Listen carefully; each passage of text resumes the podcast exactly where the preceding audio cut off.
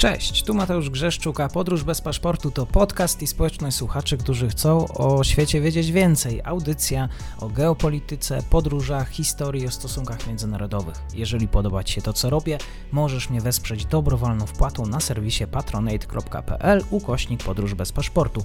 Serdecznie za to dziękuję, bo właśnie dzięki temu mam szansę rozwijać to miejsce. Obserwuj, polub i udostępniaj dalej. Zapinamy pasy, czas na kolejny odcinek podróży.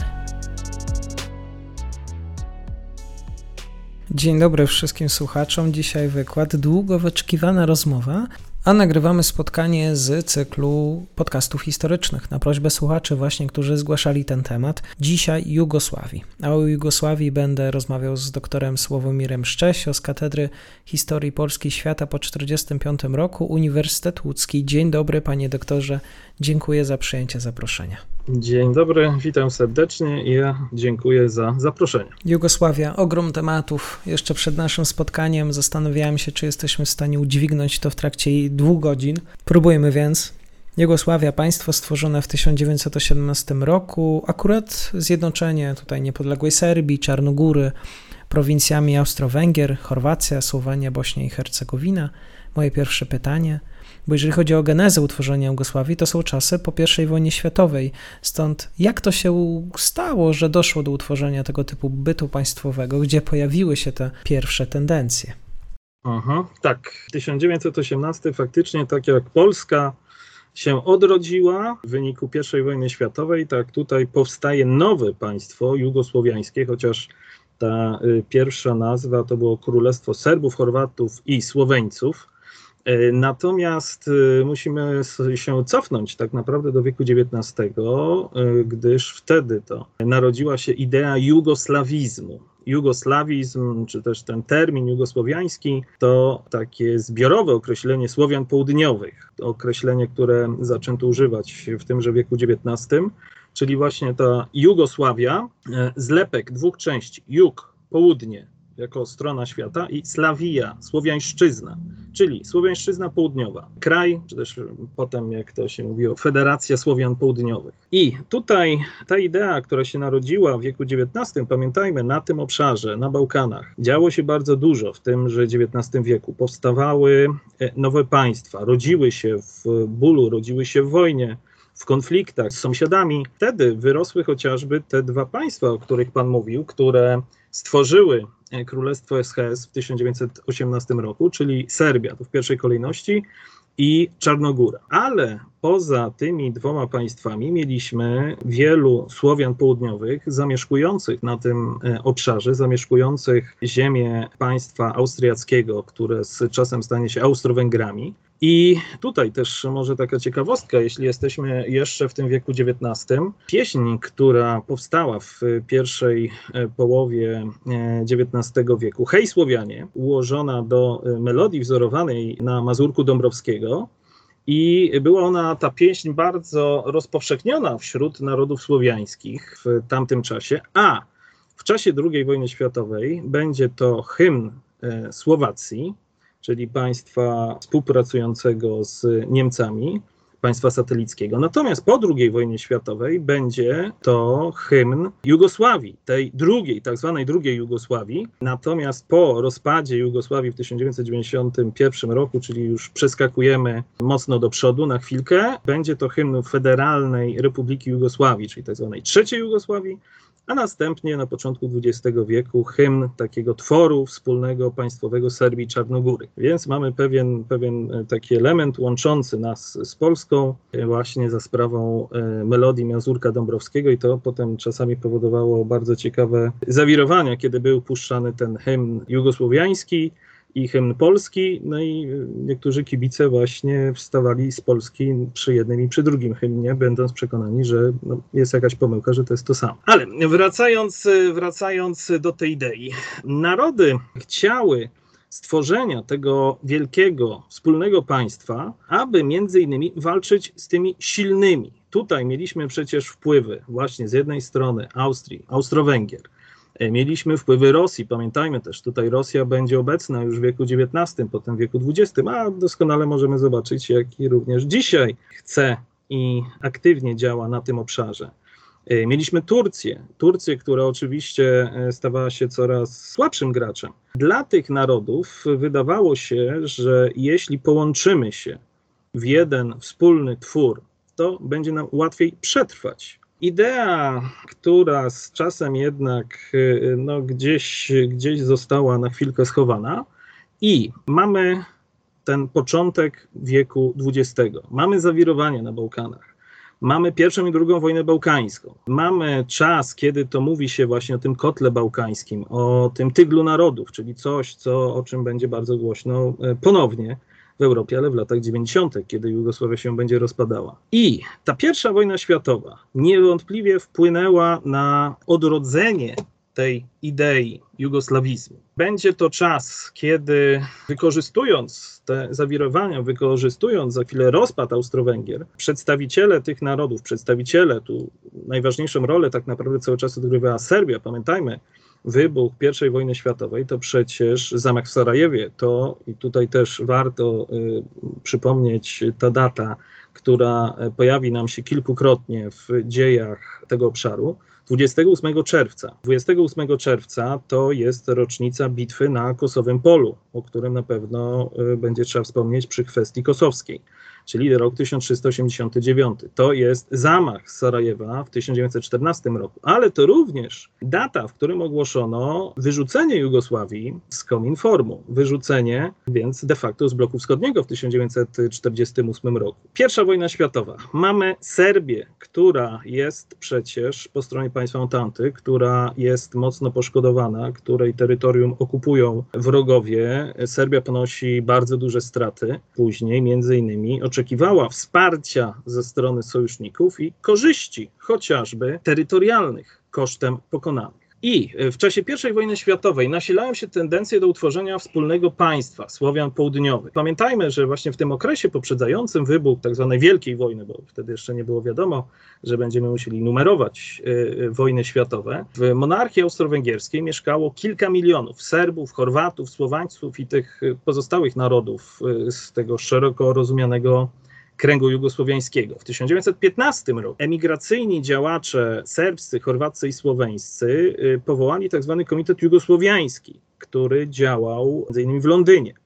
W 1917 roku utworzono w parlamencie wiedeńskim Jugosłowiański Klub Poselski, który domagał się utworzenia jeszcze wtedy, czyli pod berłem Habsburgów, państwa jugosłowiańskiego. Więc tych idei, te idee w różnych miejscach nam się pojawiają. Tu oczywiście mamy rolę Serbii, rolę Belgradu, rolę tego najważniejszego państwa, tylko teraz wszystko się rozbijało o to, w jaki sposób mamy stworzyć to państwo. Czy ma to być koncepcja Wielkiej Serbii, bo pamiętajmy, że będzie na tym obszarze pojawiać nam się wiele koncepcji Wielka Serbia, Wielka Chorwacja, Wielka Albania, Wielka Rumunia. Każdy chciał być wielki. I teraz y, Serbowie dążyli do tego, aby to oni byli tym centrum zjednoczonej południowo-słowiańskiej y, nowej struktury państwowej. Przeciwko temu protestowali y, chociażby politycy chorwaccy, w mniejszym stopniu może słoweńscy, i tu warto właśnie wskazać na ten konflikt praktycznie od początków, czy nawet w genezie jeszcze powstania tego państwa. Konflikt pomiędzy dwoma najważniejszymi i największymi narodami w państwie jugosłowiańskim Serbami a Chorwatami. Ten konflikt będzie właśnie pojawiał się w momencie tworzenia państwa, ten konflikt będzie w tak zwanej pierwszej, tej królewskiej Jugosławii. Ten konflikt eksploduje z siłą wodospadu w czasie II wojny światowej, kiedy to te narody będą się nawzajem wyżynać potem będzie na troszkę przygaszony przez Josipa Brostito i ponownie nam eksploduje e, na przełomie lat 80. i 90., kiedy to rozpadnie się Jugosławia, a będziemy mieli właśnie ten konflikt w Chorwacji czy też w Bośni i Hercegowinie w pewien sposób pośredni. I teraz y, mamy więc kilka tych koncepcji. Jeszcze, co ważne, pojawiają nam się Włosi pojawiają nam się Włosi, którzy przecież w 1915 roku przyłączają się do wojny w zamian za tajne porozumienie, tajny pakt zawarty w Londynie, który gwarantował e, terytoria południowosłowiańskie należące do Austro-Węgier, co wywoła innymi konflikt e, z powstającym w 1918 roku państwem jugosłowiańskim. Między innymi bardzo e, ciekawy był konflikt o Fiume, czy też o Rijekę. Więc te relacje z sąsiadami będą odgrywać także bardzo istotną rolę i przyczynią się do tego chociażby, że ci Słowianie południowi zamieszkujący Austro-Węgry no będą szukać wsparcia właśnie w tej Serbii, mimo tego, że nie wszystkim to się podobało. I kończy się wojna. Kończy się pierwsza wojna światowa. W Zagrzebiu powstaje Rada Narodowa Słoweńców, Chorwatów i Serbów. Czyli to jest taka reprezentacja Słowian Południowych z Austro-Węgier. Oni chcą właśnie stworzenia tego państwa Słowian Południowych. Jednak zdałem sobie sprawę, zwłaszcza w momencie, kiedy Włosi mają te ambicje do tego, aby jak najwięcej zyskać ko kosztem rozpadających się Austro-Węgier, że trzeba wsparcia Serbii. Trzeba wsparcia państwa, które jest przecież oficjalnie jednym z członków koalicji Autanty. I 1 grudnia 1918 roku jest proklamowane Zjednoczone Królestwo Serbów, Chorwatów i Słoweńców, czyli SHS, pod berłem regenta Serbii Aleksandra I Karadziordziewicza, który w imieniu swojego ojca, króla Piotra I, właśnie proklamuje to nowe państwo, składające się, tak jak pan powiedział, z tych kilku elementów. Z Serbii, z Czarnogóry, a także tych y, y, części składowych wchodzących wcześniej w skład Austro-Węgier. A jaka właściwie była kondycja państw, kiedy wychodziły z I wojny światowej? Bo chyba to też miało dosyć duże znaczenie pod kątem siły ekonomicznej tego przyszłego państwa. Oczywiście, że tak. I myślę, że tu w pewien sposób możemy też szukać troszkę analogii z odbudową, czy też z początkami państwa polskiego. Bo pamiętajmy, przecież Polska składała się, ta odrodzona druga RP, składała się z ziem, które wcześniej wchodziły w skład innych państw. I tu trzeba było zlepić te części, które podlegały różnym prawom. Tutaj była różna waluta, tak. Ci ludzie służyli w różnych armiach, uczyli się innych języków i tak dalej, i tak dalej. I tutaj również mamy zlepek przecież kilku części mamy, no cóż, kraj, który nie jest specjalnie rozwinięty, jeśli popatrzymy na gospodarkę. To przemysł no, stopniowo się rozwijał, ale mieliśmy części, które no, były bardzo słabo rozwinięte od strony gospodarczej, to głównie rolnicze, chociażby popatrzmy na Bośnię i Hercegowinę, tak? To będzie problem zarówno tej pierwszej, jak i drugiej Jugosławii. Będą y, ziemie, których rolnictwo odgrywało najważniejszą rolę, a potem, kiedy przyjdzie na przykład wielki kryzys, no to będzie bardzo duży problem dla osób tutaj zamieszkujących. Mamy problemy właśnie, żeby scalić w jeden twór. To państwo od strony gospodarczej, od strony prawnej. To jest też y, wyzwanie, bo pamiętajmy, dochodziło do konfliktów pomiędzy przedstawicielami tych różnych narodów, narodowości. Mamy też różne religie, mamy więc y, kwestie też y, pewnych y, konfliktów na tle kultury, tak? Więc tych wyzwań było bardzo dużo. Natomiast niewątpliwie, na, jeśli popatrzymy, na pierwszy plan wysuwał się wśród tych konfliktów, wysuwał się problem relacji pomiędzy Serbami a Chorwatami. I taka ciekawostka, że Niemcy złośliwie rozszyfrowywali wtedy skrót SHS Zichasen Sich i oni się, oni się nienawidzą.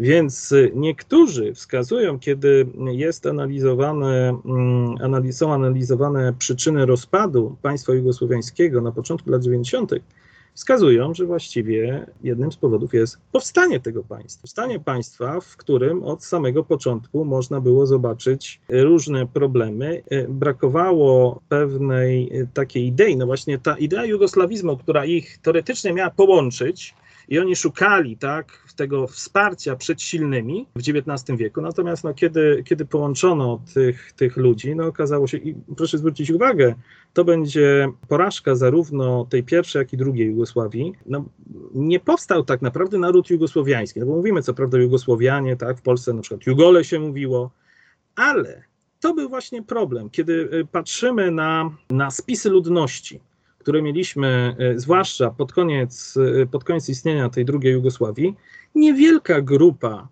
podawała w e, tym spisie narodowość Jugosłowianin. najwięcej podawało, co ciekawe, osób w Bośni i Hercegowinie. A tutaj zawsze jednak to było: jestem Serbem, jestem Chorwatem, jestem Słoweńcem. To był, to był właśnie ten istotny element. Tak samo przecież możemy wskazać w Związku Radzieckim. Tak? Ten Homo Sovieticus tak naprawdę nie udało się wytworzyć tego człowieka radzieckiego, bo jednak okazało się, że właściwie niemal w tym samym czasie, kiedy rozpadała się Jugosławia, również w Związku Radzieckim, no jednak częściej decydowało to, e, że poza kwestiami gospodarczymi, politycznymi, no jednak właśnie, że ktoś się czuł Litwinem, Ukraińcem, Rosjaninem. Więc tych problemów na samym początku już było bardzo dużo. Problemy narodowościowe, podziały religijne, kulturowe, zróżnicowanie właśnie tych poszczególnych e, regionów w sferze gospodarczej. I to tak naprawdę możemy zrobić kopiuj w klej i mówiąc o problemach pierwszej, tej królewskiej Jugosławii, tak samo powiedzieć o problemach drugiej, socjalistycznej Jugosławii.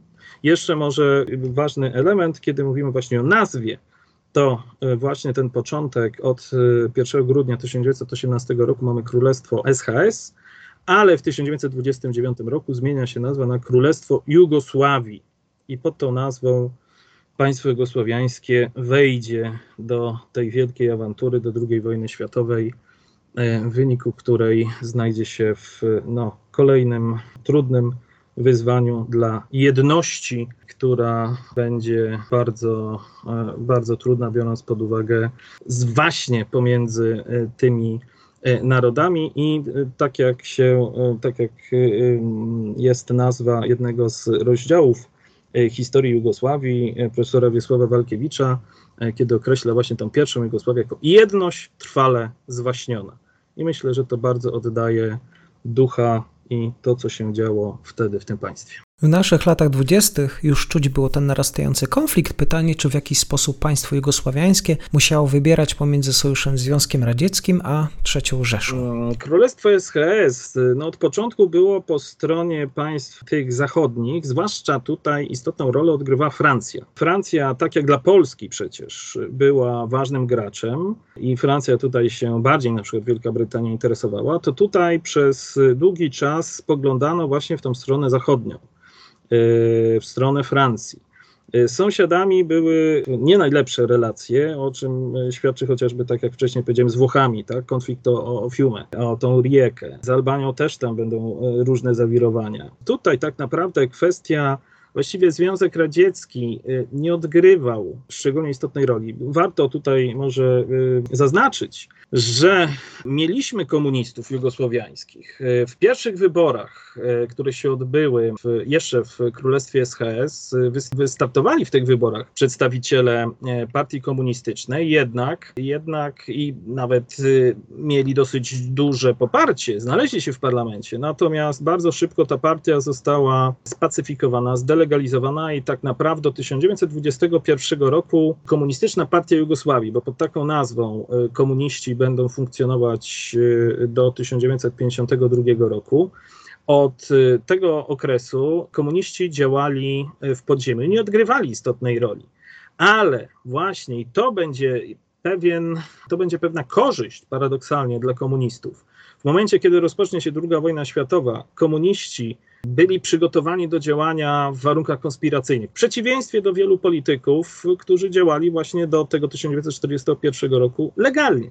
Komuniści byli tutaj przygotowani, doskonale wiedzieli, jak działać. Tak naprawdę ten Związek Radziecki nie odgrywał istotnej roli, natomiast Niemcy i Włosi zaczną odgrywać tą istotną rolę w latach 30. Jeszcze warto, e, warto wspomnieć, że zanim dojdzie do mm, zmiany nazwy w 1929 roku, e, kiedy to król podejmie decyzję właśnie o e, zmianie nazwy, to można zobaczyć, jak ten konflikt polityczny tlił się w Jugosławii, y, no, w Królestwie SHS, chociażby w parlamencie, gdzie pod koniec lat dwudziestych dochodziło do bijatyk, dochodziło do interwencji policji. Tak? Proszę zwrócić uwagę, my często mówimy no, o tym, że na przykład no, w niektórych parlamentach, w tym na przykład u nas, nie najlepiej się dzieje. Wtedy nawet doszło do takiej sytuacji, gdzie jeden z posłów, Serb z Czarnogóry, w czerwcu 1928 roku zastrzelił w Skupsztynie trzech chorwackich polityków. czy właściwie jednego z nich ranił, to był Stiepan Radić, przywódca chorwackiej partii chłopskiej. No to, to było coś, coś naprawdę porażającego. Trzeba było interweniować, trzeba było właśnie skrócić te, te, te męki polityczne, Wtedy król zdecydował się właściwie na dyktaturę, ale i to właśnie pokazuje też trudną sytuację Jugosławii w tym okresie międzywojennym. Król zostanie zabity w 1934 roku podczas wizyty w Marsylii, zostanie zastrzelony przez terrorystów i tutaj właśnie też nam się pojawia problem terrorystów chorwackich i macedońskich. Terrorystów, którzy tutaj musimy też powiedzieć sobie Ustaszach. Ustasze E, chorwaccy nacjonaliści współpracujący z Włochami, Niemcami, także z Węgrami, którzy przyczynili się do zabicia króla w 1934 roku, którzy będą funkcjonować pod przywództwem antypawelicia w tym okresie międzywojennym, a w 1941 roku e, będą e, właściwie piątą kolumną, skutecznie paraliżującą działania armii jugosłowiańskiej i stworzą państwo NDH o którym z pewnością e, jeszcze za chwilkę e, troszkę, troszkę więcej powiemy. Więc e, tutaj po śmierci króla w 1934 roku będziemy mieli regenta, księcia Pawła, który w zastępstwie za małoletniego króla Piotra będzie sprawował tą władzę. I tutaj będzie coraz wyraźniej widać naciski ze strony Włoch i Niemiec i współpracę, odchodzenie od współpracy z państwami zachodnimi, w tym z Francją, czego efektem będzie chociażby podpisanie e, porozumienia w marcu 1941 roku z państwami osi, e, chociaż za chwilkę dojdzie do zamachu, który też spowoduje olbrzymie, e, olbrzymie zawirowania a w konsekwencji za kilka dni interwencję, agresję na państwo jugosłowiańskie, które zakończy się e, rozczłonkowaniem na kilka części. Natomiast warto też, e, też dodać, że Jugosławia była krajem, który we wrześniu 1939 roku ogłosiła neutralność i przez terytorium Jugosławii wielu Polaków uciekało na zachód wtedy po kampanii wrześniowej 1939 roku. Jak właściwie wyglądał potencjał Jugosławii e, w 1941 roku, że doszło właściwie do tej kapitulacji? Jugosłowiańska armia była bardzo słabo przygotowana, była słabo wyszkolona, słabo uzbrojona i e, pamiętajmy właśnie też to, co przed chwilą powiedziałem o tej piątej kolumnie chorwackiej. Armia ta nie dała rady poza tym, że była słabo przygotowana, to zwróćmy uwagę, że właściwie Jugosławia została zaatakowana z kilku stron. Więc to tak samo jak Polska w 1939 roku no miała niewielkie szanse, zderzając się po pierwsze z potęgą machiny wojennej III Rzeszy, a od 17 września również Związku Radzieckiego, tak tutaj Jugosławia została za, zaatakowana z kilku stron i nie było żadnej możliwości, aby się obronić. Ta armia była bardzo słaba. Przemysł zbrojeniowy Jugosławii był na bardzo słabym poziomie. Zakupy, tutaj właściwie brakowało inwestycji, brakowało zakupów nowoczesnego sprzętu. Ta armia praktycznie w ciągu kilkunastu dni, czy nawet no, 6 kwietnia rozpoczyna się wojna, a 17 kwietnia już jest podpisana kapitulacja. Armia praktycznie się rozpadła, tak jak i państwo się rozpadło. Właśnie Ustasze działający jako ta piąta kolumna skutecznie przeszkadzali. Poza tym politycy zdawali sobie sprawę, że nie mają szans. Nie mają szans, kiedy byli zaatakowani przez Niemcy, przez Włochy i też y, o, o tym y, trzeba pamiętać. Tutaj już obok przecież mieliśmy wcześniej wojnę, kiedy to Włochy zdecydowały się najpierw na aneksję Albanii, która była de facto no, taką półkolonią, e, a od 1940 roku mieliśmy wojnę e, z Grecją, gdzie Grekom, co prawda, no, nawet przez pewien czas całkiem dobrze szło, kiedy Grecy wykorzystując na przykład polskie samoloty PZL-24 skutecznie potrafili e, postawić się włoskim agresorom. Natomiast no jednak, e, kiedy tutaj rozpocznie się już ta operacja Niemców wymierzona w Jugosławię i w Grecję, to jedno i drugie państwo padnie. Jugosławia w ciągu 11 dni pada i zostaje rozczłonkowana kilka części. No i właśnie, i o ten podział łupów chciałbym też zapytać pana doktora. Co się stało? Jak rzeczywiście Niemcy przy współudziale Włochów, Bułgarii czy Węgier napadły na Jugosławię? Tak, no to, to jest y, myślę jedna z y, bardziej ciekawszych sytuacji państw w czasie II wojny światowej, bo tak jak wcześniej już podawałem przykład Polski, gdzie mieliśmy właśnie z jednej strony Niemców, z drugiej strony Sowietów, tak tutaj pojawiają się nam cztery państwa, które będą dzielić się łupami, które będą okupować fragmenty terytorium Jugosławii, więc ten tort nie jest y, dzielony na dwie części, jest dzielony na więcej. Mamy tutaj bardzo skomplikowaną sytuację, doskonale y, no, przedstawiającą tą bałkańską beczkę prochu. Mamy kilka elementów. Mamy okupację, kilka, tak, cztery okupacje, mamy kolaborację, mamy ruch oporu, mamy wojnę domową, mamy rewolucję i, woj- i walkę o władzę sprawowaną po zakończeniu wojny. I właśnie część ziem przechwytują Niemcy między innymi tutaj fragmenty Słowenii. Część ziem przechwytują Włosi, więc proszę zwrócić uwagę, do, no Włosi już, już tutaj, e, kiedy się kończyła pierwsza wojna światowa, właśnie oczekiwali na e, większe łupy niż ostatecznie dostali. Więc Włosi tutaj korzystają i fragmenty przechwytują. Także korzystają na tym słabsi sojusznicy, czyli e, Węgry, wspomniane przez Pana, a także Bułgaria. I co ciekawe, nawet na tych terenach będą tworzone obozy koncentracyjne. To będzie też rzecz bardzo charakterystyczna. Po II wojnie światowej no, y, nie wypadało y, podnosić tematów odpowiedzialności teoretycznie bratnich narodów socjalistycznych, które dopuszczały się straszliwych rzeczy w czasie II wojny światowej.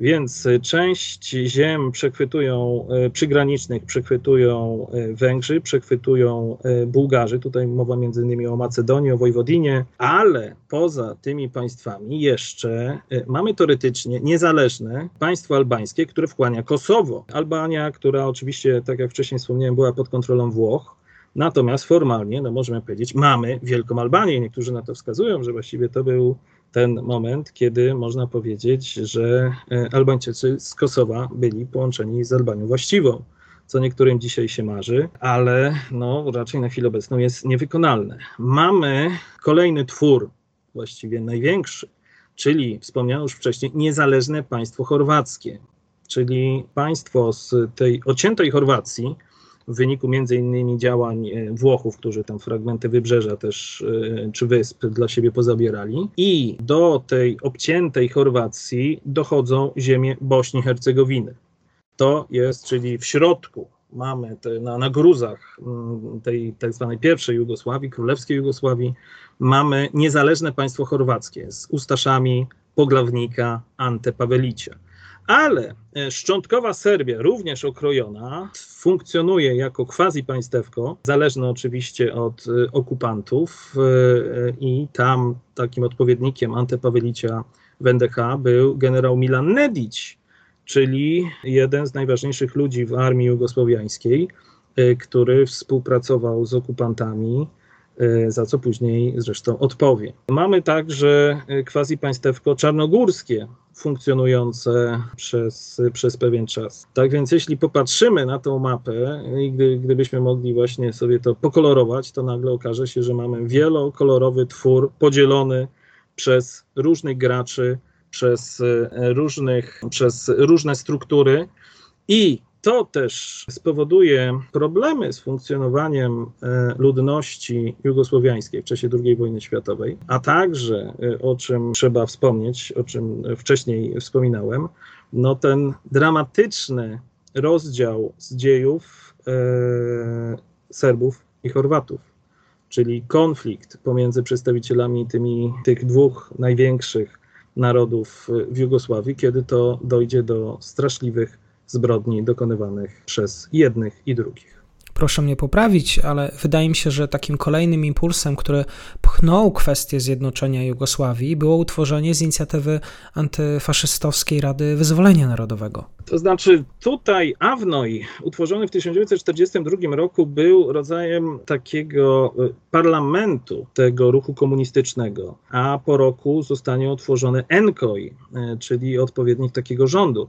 Myślę, że najpierw jeszcze musimy się cofnąć do tego 1941 roku. Na chwilę zostawmy komunistów, y, do których zaraz wrócimy. W 1941 roku, kiedy dochodzi do agresji na Jugosławię, król, który tuż przed tą agresją, 18-letni Piotr, zostaje ogłoszony tym królem i za chwilę musi uciekać za granicę. Tam też za granicą znajdą się y, przedstawiciele władz i mamy rząd emigracyjny, czyli możemy też ponownie y, szukać pewnej analogii z Polską.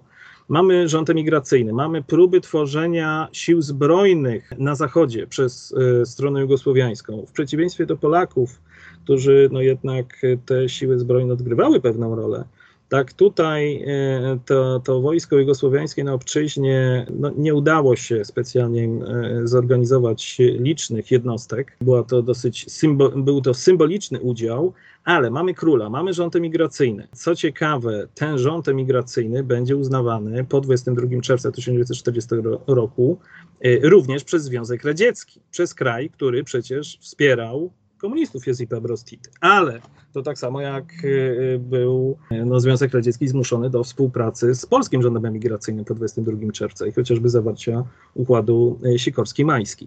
Natomiast Jugosławia jest więc w tej koalicji antyfaszystowskiej, Natomiast, co ciekawe, do 22 czerwca 1941 roku komuniści mają problem, bo nie mogą walczyć z okupantami. Bo jak walczyć z trzecią Rzeszą, która przecież od 1939 roku jest sojusznikiem Związku Radzieckiego. I jak teraz możemy walczyć? Komintern zabraniał przecież takich rzeczy. I dopiero po 22 czerwca, kiedy będzie, będzie już rozpoczęta wojna, plan Barbarossa, Trzecia Rzesza i sojusznicy idą na wschód, wtedy komuniści mogą rozpocząć wojnę. I faktycznie tutaj rola komunistów będzie kluczowa, patrząc na efekty tej walki Natomiast gdyby można było w zakładzie bukmacherskim obstawić w 1941 roku, kto wygra, to myślę, że no naprawdę ludzie, którzy by postawili na komunistów, y, mieliby olbrzymi zysk, bo mało kto by stawiał na komunistów. Komuniści w momencie rozpoczęcia wojny byli niewielką strukturą, kilka, kilkanaście tysięcy ale jak wcześniej wspomniałem, oni działali w konspiracji, więc byli dobrze przygotowani. I tak jak pan właśnie wspomniał o tym, że w 1942 roku powstaje AWNOJ, więc y, tutaj komuniści zaczną budować bardzo szybko struktury władzy lokalnej i to będzie ich przewaga nad rządem emigracyjnym, nad, nad politykami, którzy uciekną przed okupantami w 1941 roku. Jeszcze ważnym elementem, e, który będzie z korzyścią dla komunistów, poza tym, że oni byli na miejscu i walczyli, może nie od samego początku, ale walczyli, będzie idea, idea odbudowy wspólnego państwa, czyli to, o czym wcześniej mówiliśmy, idea Słowian południowych. Nie dzielimy się tylko wyłącznie na Chorwatów, na Słoweńców, na Serbów bo jeśli popatrzymy na inne struktury konkurencyjne, to z jednej strony mamy przecież właśnie chorwackich ustaszy Antepawelicie, mamy to państwo NDH, które będzie dążyło do tego, aby stworzyć właśnie Wielką Chorwację, które będzie walczyć z przedstawicielami innych narodów, które będzie mordować Żydów, Serbów, Romów, nawet były przecież takie tabliczki e, w NDH. Zakaz wstępu dla Żydów, Serbów, e, Cyganów i psów. Tutaj więc z jednej strony będzie wybijanie nie Chorwatów albo zmuszanie na przykład Serbów na przechodzenie na wiarę katolicką i w ten sposób ci ludzie mieli stawać się Chorwatami. Więc z jednej strony mamy ideę chorwacką, z drugiej strony mamy serbskich czetników, bo od samego początku, tym pierwszym ruchem oporu, tworzonym na bazie żołnierzy y, królewskiej armii, były oddziały dowodzone przez pułkownika, następnie mianowanego generałem Dragoliuba Draży Michajlowicza. Generała, który w jakimś czasie nawet zostanie ministrem wojny w rządzie migracyjnym. I to będzie bardzo, bardzo ciekawa rzecz, bo tak jak my dzisiaj rozmawiamy, tak, no wtedy nie było takiej y, możliwości, żeby połączyć się, tak, robimy telekonferencję, i no, na przykład z Londynu, tak, premier dzwoni do Dragoliuba i pyta, no jak, jak wojna, co tam się dzieje. Dragoliub Michajlowicz y, był przywódcą tego ruchu oporu, natomiast właśnie on reprezentował tą ideę odrodzenia państwa jugosłowiańskiego rozumianego jako Wielkiej Serbii, rozumianego jako państwa, w którym ma rządzić serbska dynastia e, Karadżordżewiczów e, i inne narody powinny się podporządkować. Więc mamy e, zderzenie właśnie tu z jednej strony idea chorwacka, z drugiej strony idea serbska i komuniści, którzy dają alternatywę. My chcemy wspólnego państwa, w którym oczywiście gdzieś tam w planie, w planie dalszym jest, że to będzie komunistyczne, socjalistyczne, ale w tym momencie oni przyjmują wszystkich. Czy to są Chorwaci, czy to są Serbowie, czy to są Słoweńcy, czy to są Macedończycy, e, czy to są muzułmanie. I co istotne, e, czetnicy, prowadząc, e, e, czy właściwie no, no, ograniczali się w działaniach wymierzonych przeciwko okupantom, a z czasem nawet zaczęli współpracę z okupantami, w tym z Włochami. Strona komunistyczna także zdarzało się, że miała pewne kontakty z okupantami, ale jednak y, i na to potem zdecydowanie postawili Brytyjczycy, państwa zachodnie. Y, stawiano na tych, którzy są bardziej skuteczni w walce z wrogiem. Bo Churchilla mogło bardziej interesować to, ilu Niemców czy Włochów zabije y, ruch komunistyczny, albo ile pociągów zostanie wysadzonych, aby wspierać działania koalicji. Natomiast Czetnicy czekali, czyli to możemy troszkę porównać do tego, jak postępował ZWZ, czy potem Armia Krajowa, tak oczekując na korzystny moment, bo to, to w pewien sposób było uzasadnione. Kiedy od samego początku ten ruch oporu prowadziłby takie zdecydowanie działania przeciwko okupantom, to spotykałoby się z odpowiedzią Niemców, Włochów, Bułgarów, Węgrów. I tak się działo w odpowiedzi na działania strony komunistycznej, gdzie zabijano, mordowano, do, do, dokonywano masakr. Czetnicy wychodzili z założenia, że lepiej poczekajmy, bo nie wiemy też, jak się dalej wojna potoczy. Tak? W 1941-1942 roku no nie było wiadomo, czy, czy to jednak nie wygrają tej wojny Niemcy. Komuniści mieli właśnie ten prikaz z Moskwy od, od samego początku: atakujcie, musicie walczyć. I podjęli tą próbę i coś, co mogłoby się wydawać tak naprawdę samobójstwem w 1941 roku, okazało się jednak skuteczne i dzięki tej walce, dzięki e, wytrwałości, to trzeba podkreślić naprawdę, jeśli popatrzymy na to, w jaki sposób ci ludzie walczyli w górach, bo też pamiętajmy, jaki to był teren. Góry, Bośni, góry Serbii, zima, minus 20, minus 30. Ci ludzie pozbawieni ciężkiej broni, walczący z mrozem, walczący z głodem, walczący z atakującymi samolotami, walczący z okupantami, walczący z, ze swoimi, bo przecież w tych walkach właśnie uczestniczyli chorwaccy ustasze, walczyli czasami z partyzantką Czetnicy. Mieliśmy więc wojnę wszystkich z wszystkimi. Tutaj narodził się ten mit w pewien sposób, partyzantki komunistycznej Josipa Broz Tito. Ci ludzie, którzy od samego początku trwali przy Josipie Broz Tito, stali się później elitą państwa jugosłowiańskiego, tego drugiego, tej drugiej Jugosławii. Tak samo jeśli popatrzymy chociażby na Mao Tse-tunga, na komunistów, ten długi marsz, tak, i później właśnie ci ludzie stawali się elitą nowego państwa, tak samo w przypadku Jugosławii. Więc AWNOJ, ENKOJ 1942-1943, powstawanie faktycznie tych struktur lokalnych, struktur, które były konkurencyjne dla rządu emigracyjnego. I to też później będzie problem. Proszę zwrócić uwagę, znowu analogia z Polską.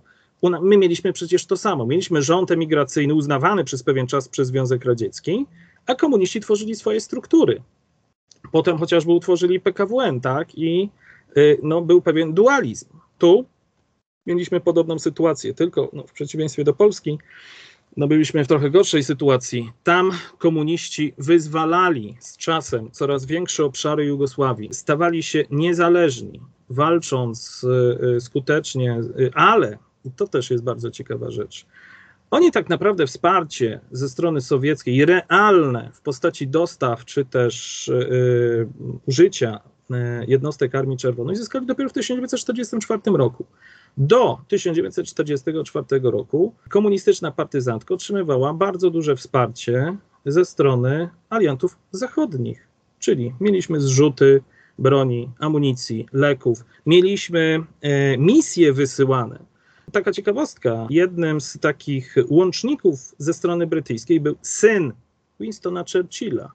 Syn Winstona Churchilla został wysłany jako łącznik z przywódcą komunistów. Myślę, że to świadczy o tym, jakie było podejście strony zachodniej i na kogo ostatecznie postawili. Czy właśnie e, zrezygnowali ze wspierania Draży Michajlowicza kosztem bardziej skutecznego w walce, ale mhm. komunistycznego Josipa Brostito. No właśnie, jak pan doktor już wywołał tę postać, to chciałbym poprosić pana doktora e, właściwie o wyjaśnienie, kim był Józef Brostito, jaką miał rolę w kształtowaniu tej drugiej Jugosławii, jaka była ta Jugosławia Tity i proszę też o charakterystykę samego przywódcy. No, Josip Brostito to z pewnością jedna z bardziej barwnych postaci polityków w wieku XX.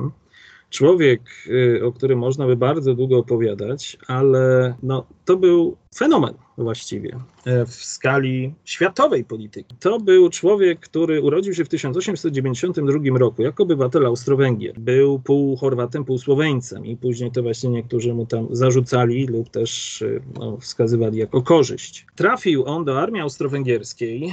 Nawet nieźle mu szło, bo e, osiągał sukcesy sportowe jako świetny szermierz i w czasie I wojny światowej został ranny, trafił do niewoli rosyjskiej i znalazł się w Rosji, jeszcze Rosji carskiej. Ale jak dobrze wiemy, w 1917 roku bolszewicy w wyniku rewolucji październikowej, właściwie listopadowej, przejmą władzę, czy właściwie rozpoczną walkę o władzę e, w tym państwie.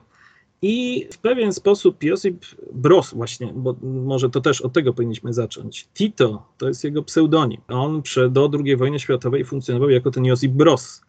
Natomiast Tito to pseudonim, bo też to jest rzecz charakterystyczna dla wielu przywódców komunistycznych. Popatrzmy przecież Stalin, Lenin, tak, to wszystko są pseudonimy. Tutaj Josip Broz Tito właściwie używał w czasie II wojny światowej także wielu pseudonimów, ale ten Tito był najbardziej znany i są różne, różne wersje skąd, skąd ten Tito się wziął. Jedna mówi że to od jego częstych poleceń, które wydawał w języku serbsko-chorwackim, kiedy mówił, że ty zrobisz to, ty to, Tito, Tito, Tito, Tito. No i mamy Tito.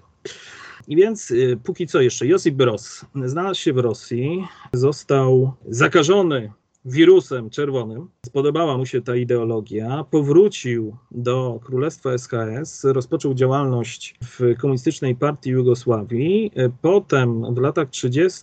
znajdzie się w Związku Radzieckim i co ciekawe, znajdzie się on w momencie bardzo trudnym dla wielu, nie tylko obywateli Związku Radzieckiego, albowiem w czasie Wielkiej Czystki, kiedy to e, aresztowano, torturowano, Y, i często rozstrzeliwano y, wielu ludzi związanych z ruchem komunistycznym, w tym z Kominternem funkcjonującym do 1943 roku.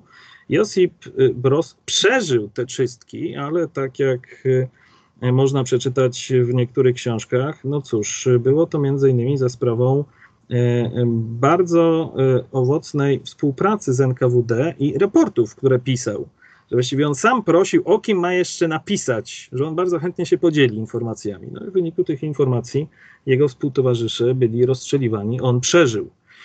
Natomiast w przeciwieństwie do przywódców wielu innych państw późniejszego bloku wschodniego, on znajdzie się w Jugosławii w momencie rozpoczęcia II wojny światowej. I to, proszę zwrócić uwagę, to będzie jedna z przyczyn sukcesu tego ruchu w czasie II wojny ponieważ jeśli popatrzymy na komunistów w innych przyszłych demoludach, to nie byli e, bardzo często przywożeni na tych tak zwanych czołgach radzieckich. Tito nie musiał być przywieziony na tych czołgach radzieckich, bo on tam był od samego początku. I stał na czele e, pod koniec lat 30. Zostanie więc przywódcą Komunistycznej Partii Jugosławii, będzie przewodził e, temu ruchowi oporu, stanie się twarzą, stanie się najbardziej rozpoznawalną e, postacią, z którą na przykład będzie chciał się spotkać i spotkał się faktycznie w 1944 roku Winston Churchill, mając nadzieję, że przekona, no, mimo wszystko tego czerwonego partyzanta, ale przekona do swojej racji. No niestety Winston Churchill tutaj poniósł porażkę. I y, Josip Broz Tito, też myślę, że o tym warto pamiętać. On będzie miał grono współpracowników, osób wywodzących się z tych różnych narodów, co też w pewien sposób będzie pokazywało różnice porównując do Ustaszów, porównując do Draży Michajlowicza, to będzie też y, jeden z tych fenomenów. Ta wielonarodowa grupa partyzantów, którzy, ten ruch, który się przerodzi właściwie w regularną armię. To jest ten, ten, ten, ten fenomen, o którym wspominałem. No właśnie ta partia komunistyczna licząca kilka, kilkanaście tysięcy ludzi, a ocenia się, że w 1945 roku mieliśmy armię 800 tysięcy ludzi uzbrojonych w ciężką broń. Mieliśmy oczywiście to wsparcie ze strony Zachodu, jak wspominałem, i co ważne, Josip Broz Tito będzie miał do 1944 roku tylko wsparcie moralne ze strony Związku Radzieckiego. I mimo wszystko już wtedy będzie dochodziło do pewnych sporów i nieporozumień pomiędzy Stalinem a Tito. Chociażby, o tym pisze Milovan Gilas, czyli e, czarnogórski e, komunista, człowiek, bardzo bliski współpracownik. Przez pewien czas wydawało się, że to jest nawet człowiek numer dwa w państwie jugosłowiańskim, który potem no, zostanie spacyfikowany, stanie się jednym z pierwszych dysydentów. Napisze on kilka bardzo ciekawych książek, w tym świetne rozmowy ze Stalinem opisujące właśnie te wydarzenia z 1944-1945 roku, przedstawiający pewne kulisy tej współpracy radziecko-jugosłowiańskiej. I to będzie e, właśnie rzecz charakterystyczna. Jugosłowianie jeszcze w czasie wojny będą potrafili wskazać, możemy powiedzieć, cytując za klasykiem, błędy i wypaczenia strony radzieckiej. Chociażby e, to był ten moment, kiedy to Sowieci wkroczyli na terytorium jugosłowiańskie i przeciwieństwie na przykład do takiej Polski, bo nikogo nie pytano o zgodę, strona jugosłowiańska zaprosiła armię czerwoną wtedy jeszcze i armia czerwona wyszła sama. Bo na przykład do nas jak weszli, to dopiero Rosjanie wyszli w 1993. Tutaj komuniści, czy właściwie nie tylko komuniści, ale te narody jugosłowiańskie oczekiwały, no właśnie to, co powinno się oczekiwać od wyzwolicieli, że będą się zachowywać w sposób odpowiedni. Natomiast doskonale wiemy, jak Sowieci postępowali, wkraczając do innych państw, w stosunku do kobiet na przykład, i dochodziło do gwałtów, y, mordów, y, grabieży. Strona jugosłowiańska była zbulwersowana, stworzyła listę tych y, działań niewłaściwych ze strony Sowietów i przedstawiła to w Moskwie podczas jednej z wizyt. Wtedy Stalin wpadł w szał i właśnie krzyczał, jak Jugosłowianie mogą zarzucać bohaterskim żołnierzom radzieckim takie rzeczy, kiedy oni szli setki kilometrów walcząc z faszystami i zarzucają im, że zabawili się z jakąś kobietą i wzięli coś na pamiątkę. No myślę, że to akurat bardzo dobrze oddaje e, sposób myślenia e, sowieckich e, przywódców, ale także pokazuje to, że jugosłowiańscy komuniści nie bali się poruszać takie trudne zagadnienia. Natomiast no właśnie w tym 1944 roku Josip Broz zaprasza sowieckich żołnierzy, aby wsparli wyzwolenie Belgradu. 20 listopada 1944 roku Belgrad jest wyzwolony i dalej trwa ten proces walki do maja 1945 roku. Proszę zwrócić uwagę, że oficjalnie mówimy o końcu wojny w Europie 8 czy też 9 maja, no w zależności w którym państwie byśmy się znaleźli. Natomiast wojska niemieckie podpisały, dowództwo wojsk niemieckich walczących na tym obszarze podpisało porozumienie o kapitulacji dopiero 11 maja 1945 roku. I Josip Broz wtedy był zwolennikiem bardzo zdecydowanych działań, rozprawiania się z okupantami, rozprawiania się z faszystami. Jeszcze w momencie, kiedy trwała wojna, na początku maja 1945 roku, dojdzie do pierwszego konfliktu z państwami zachodnimi. Proszę sobie przypomnieć, jak wcześniej wspominałem o konflikcie włosko-jugosłowiańskim, o Fiume, czyli o Riekę. Tak tutaj będziemy mieli trwający wiele lat konflikt o Triest Konflikt, który niektórzy określają nawet jako jeden z pierwszych elementów zimnowennej rywalizacji pomiędzy wschodem a zachodem. W momencie, kiedy jeszcze wojna się nie skończyła, wojska jugosłowiańskie zaczęły podążać właśnie do Triestu. Tam się znaleźli przedstawiciele aliantów zachodnich. No i Tito był nawet gotowy na zderzenie czym, czym, czym zaskoczył wielu, bo no, stwierdził, no jeśli on był w stanie pokonać Niemców, był w stanie pokonać Włochów, to dlaczego aliantów zachodnich nie, nie, nie, nie ma pokonać? Jeszcze jeśli mówimy o tej rozprawie, to też warto wspomnieć y, o takim elemencie, który będzie się do dnia dzisiejszego odbijał w relacjach serbsko-chorwackich. Mianowicie trzeba by powiedzieć Jasenowacu i o e, Blajburgu. To dwa miejsca, w których doszło do wymordowania wielu e, przedstawicieli tych narodów. Jasenowac, czyli obóz koncentracyjny, no taki Auschwitz bałkański czy też jugosłowiański, w którym Ustasze mordowali, co najmniej kilkadziesiąt tysięcy zostało zamordowanych przedstawicieli Żydów, Serbów, ale również chociażby i samych Chorwatów. Ten obóz stanie się symbolem zbrodni dokonywanych przez Ustaszów w czasie II wojny światowej, a ten Bleiburg, miasto, które przy granicy z Austrią, które stanie się symbolem wymordowania przez komunistów osób współpracujących z okupantami, w tym wielu Chorwatów. Tylko pamiętajmy, to byli bardzo często Chorwacy Ustasze odpowiedzialni za zbrodnie. I tam Josip Broz Tito właśnie podjął decyzję, aby tych ludzi wymordować. Do dnia dzisiejszego właśnie te dwie nazwy nam się pojawiają bardzo często w relacjach, w tych konfliktach politycznych pomiędzy przedstawicielami już dzisiaj poszczególnych e, narodów. Więc e, Josip Broz wychodzi zwycięsko z II wojny światowej. Udaje mu się e, stać tym człowiekiem numer jeden w państwie, i wspominałem wcześniej o rządzie migracyjnym. Rząd emigracyjny zostaje zmuszony przez y, Brytyjczyków do podpisania porozumienia, czyli mamy bardzo podobną sytuację, po raz kolejny powtórzę się, jak z Polską, kiedy to dochodzi właśnie do stworzenia tak zwanego rządu jedności narodowej, kiedy to skład nowego rządu utworzonego w marcu 1945 roku, na czele którego stoi któż by inny, Josip Broz Tito. W jego skład wchodzi przedstawicieli, kilku przedstawicieli rządu emigracyjnego, w tym premier stojący na, na, na czele tego rządu w Londynie. Natomiast no, to będzie tylko kilkumiesięczny, niewiele znaczący epizod, ponieważ komuniści bardzo skutecznie przeprowadzą działania, aby wyeliminować wszelką opozycję i to trzeba przyznać, że Josip Broz Tito w czasie wojny był bardzo skuteczny, bo nie tylko walczył z okupantami, nie tylko walczył z wrogami, ale też walczył z tymi, którzy mogliby ewentualnie walczyć o władzę po zakończeniu II wojny światowej. On stał się więc tym człowiekiem numer jeden, człowiekiem, od którego najwięcej zależało i po zakończeniu wojny przez kilka miesięcy w skutecznie przeprowadzonych działaniach propagandowych zostaną przygotowane wybory. To były y, drugie w kolejności wybory, które odbyły się w tym tworzonym przez Stalina bloku wschodnim. Pierwsze odbyły się na początku e, listopada 1945 roku na Węgrzech. I tam komuniści przegrali. Tam to był szok dla Stalina i dla, dla strony komunistycznej. Natomiast wybory, pierwsze wybory w tej e, powojennej Jugosławii e, odbyły się no, w bardzo charakterystycznym dla nas dniu 11 listopada 1945 roku.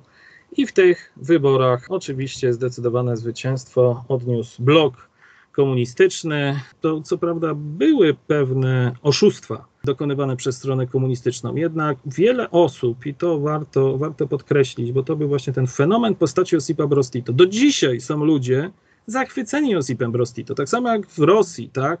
czy na obszarze tym postradzieckim możemy znaleźć ludzi, którzy wierzą, że Stalin wielkim przywódcą był, i on na przykład nie wiedział nic o zbrodniach, tak samo do dzisiaj wiele osób uważa, że Josip Broz Tito był wspaniałym wodzem, który przyczynił się do samych sukcesów, a właśnie w wyniku tych wyborów e, no, przestaje funkcjonować królewska Jugosławia, mamy nową konstytucję, powstaje republika, a król, który pozostał na emigracji, no już niewiele mógł zrobić, pozbawiony wsparcia aliantów zachodnich, a Jugosławia znajduje się w nowo tworzonym bloku wschodnim i staje się satelitą numer jeden w tym nie, bloku podporządkowanym Stalinowi, ale tylko do 1948 roku.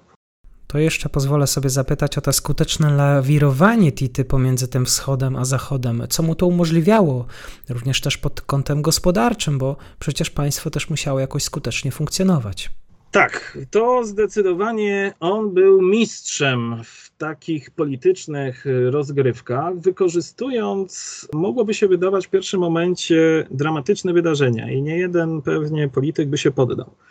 Ale moglibyśmy podzielić właśnie ten okres na kilka takich etapów. Czyli mamy Josipa Brostito, który jest tym przywódcą odrodzonej Jugosławii, socjalistycznej Jugosławii, która to y, tuż po wojnie nazywała się, oficjalna nazwa tego państwa to była Federacyjna Ludowa Republika Jugosławii a w 1963 roku Socjalistyczna Federacyjna Republika Jugosławii, SFRJ, i pod tą nazwą ten kraj się rozpadnie w 1991. Tutaj Josip Broz wydawało się, że jest takim małym Stalinem, bo to też bardzo często tak określano w państwach bloku wschodniego, że był duży Stalin i mały Stalin. I mieliśmy tego małego Stalina. I co ciekawe, tak jak wiele osób zwracało wtedy uwagę, e, że Tito i jego otoczenie wydawali się w tamtym czasie e, bardziej stalinowscy niż Stalin.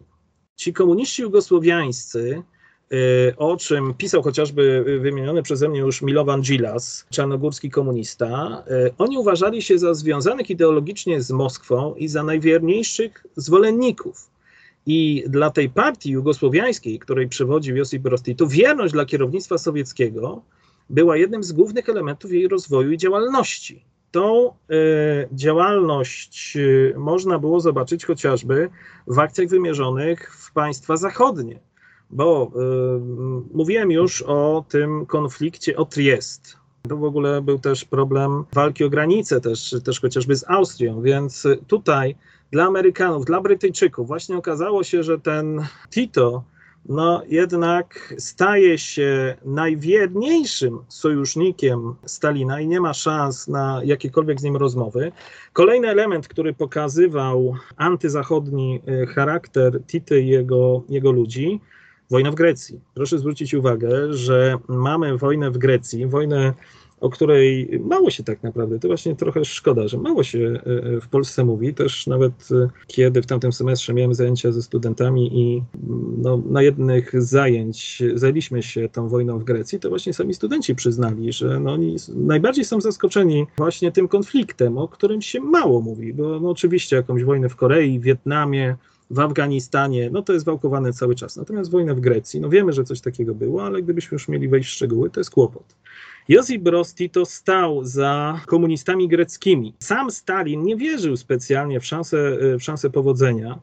E, tu e, warto, warto chociażby e, cofnąć się na chwilę do października 1944 roku i tak zwanego porozumienia, porozumienia procentowego, kiedy to w czasie rozmów Winstona Churchilla z Józefem Stalinem w Moskwie padła propozycja tego tak zwanego porozumienia procentowego, gdzie e, Grecja miała być podzielona 90 do 10 na korzyść Brytyjczyków, a na przykład Jugosławia pół na pół. To porozumienie nigdy formalnie nie weszło w życie, ale myślę, że bardzo dobrze oddaje ducha, jak e, wielcy postępują, mocarstwa postępują, nie licząc się e, z głosem narodów najbardziej zainteresowanych takimi działaniami. Więc Josip Broz Tito e, wspierał komunistów greckich, i potem to będzie jeden z elementów, który miał przekonać Zachód do wsparcia po 1945 roku, kiedy Jugosławia odcięła się od tych dostaw w dużym stopniu, przyczyniając się do zakończenia w 1949 roku tego konfliktu w Grecji. I kolejne elementy pokazujące, że do 1948 roku Tito był no właśnie uznawany jako ten najwierniejszy sojusznik Józefa Stalina, to były konflikty dotyczące przelotów samolotów amerykańskich na terytorium Jugosławii. No nie było wtedy tak idealnych e, możliwości technicznych, jakie mamy dzisiaj, a i dzisiaj zdarzają się e, z tym e, różne problemy. Wtedy zostały zestrzelone, czy też zmuszone do lądowania dwa samoloty amerykańskie. A, co istotne, bo to myślę też bardzo dobrze oddaje tamten czas. Tutaj i zginęli piloci amerykańscy. Z jednej strony bowiem atakowano Amerykanów. Propaganda wtedy była bardzo antyamerykańska. Symbolem właśnie stały się te dwa samoloty, ale z drugiej strony Od 1945 roku Jugosławia była jednym z największych beneficjentów obok Chin i Polski pomocy UNRWA. Przecież to jest ta sławna UNRWA, tak, gdzie u Kargula i Pawlaka mogliśmy zobaczyć konia z UNRWA. Tutaj także ponad 400 milionów dolarów pomocy, głównie od Stanów Zjednoczonych. Nawet w Jugosławii przez wiele lat funkcjonowało takie określenie jak jajka Trumana, nawiązujące do sproszkowanych jajek y, przywożonych w ramach, w ramach tej pomocy.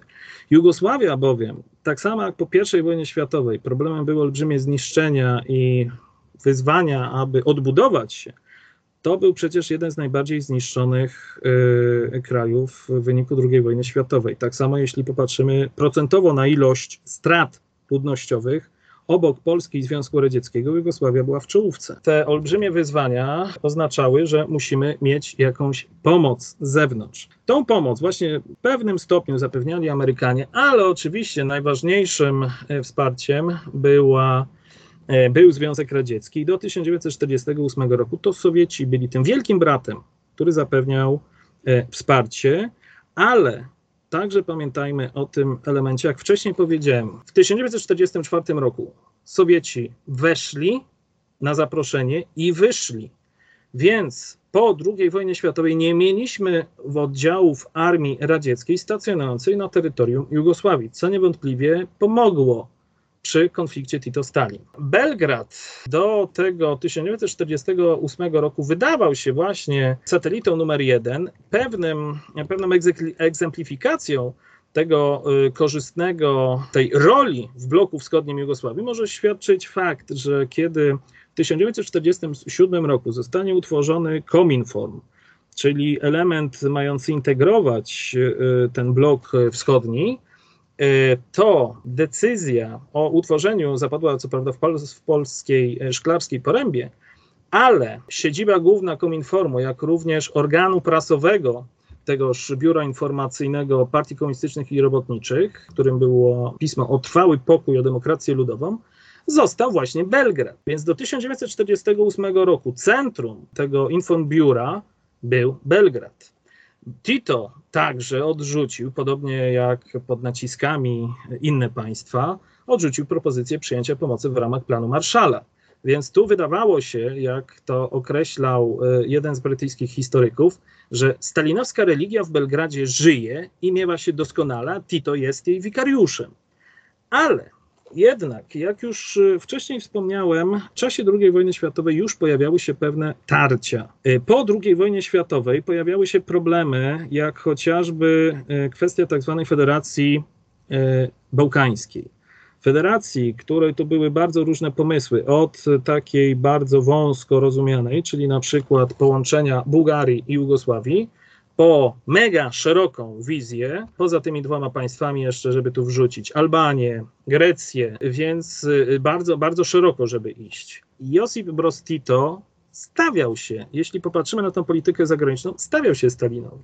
A jak doskonale wiemy, Stalin nie lubił ludzi, którzy nie wykonują wiernie jego poleceń i w latach 1947-1948 było coraz wyraźniej widać tarcia pomiędzy jedną a drugą stroną. Były sygnały ze strony radzieckiej, nawiązać do słów pewnego klasyka, nie idźcie tą drogą. Jednak strona jugosłowiańska się z tego nie wycofała i o czym mówiłem wcześniej. Mamy datę 28 czerwca 1948 roku, kiedy ten wierny sojusznik, by się wydawało, Jugosławia zostaje w wyniku rezolucji Kominformu o sytuacji w Komunistycznej Partii Jugosławii 28 czerwca 1948 roku zostaje wyrzucona, zostaje oskarżona o błędną politykę zewnętrzną, wewnętrzną, o antyradziecką działalność i jak to określił jeden z dyplomatów amerykańskich, mamy protestancką rewolucję przeciw komunistycznemu Watykanowi. Świat jest w szoku. Świat jest w szoku, bo właśnie ktoś, kto był najbliższy, tak się wydawało, Stalinowi, zostaje wyrzucony z bloku. I teraz jest pytanie, tak jak właśnie pan pytał o to, e, o to krążenie. I rozpoczyna się teraz ten drugi etap przejściowy, gdzie Tito ma właśnie problem bo mamy przecież tego wielkiego brata, który nagle mówi: Wyrzucam cię, nie chcę z tobą mieć nic wspólnego. Stalin był przekonany, że ta presja spowoduje, że albo, albo Tito y, wróci z podkulonym ogonem i powie: Przepraszam, albo zostanie obalony przez nastawionych proradziecko polityków.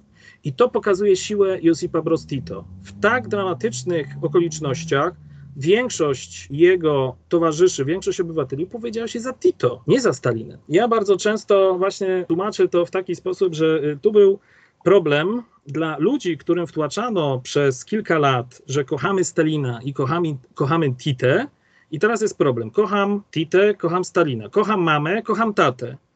I ludzie musieli podejmować decyzję. Kogo bardziej kocham? Stalina czy Titę? Większość osób wybrała Titę.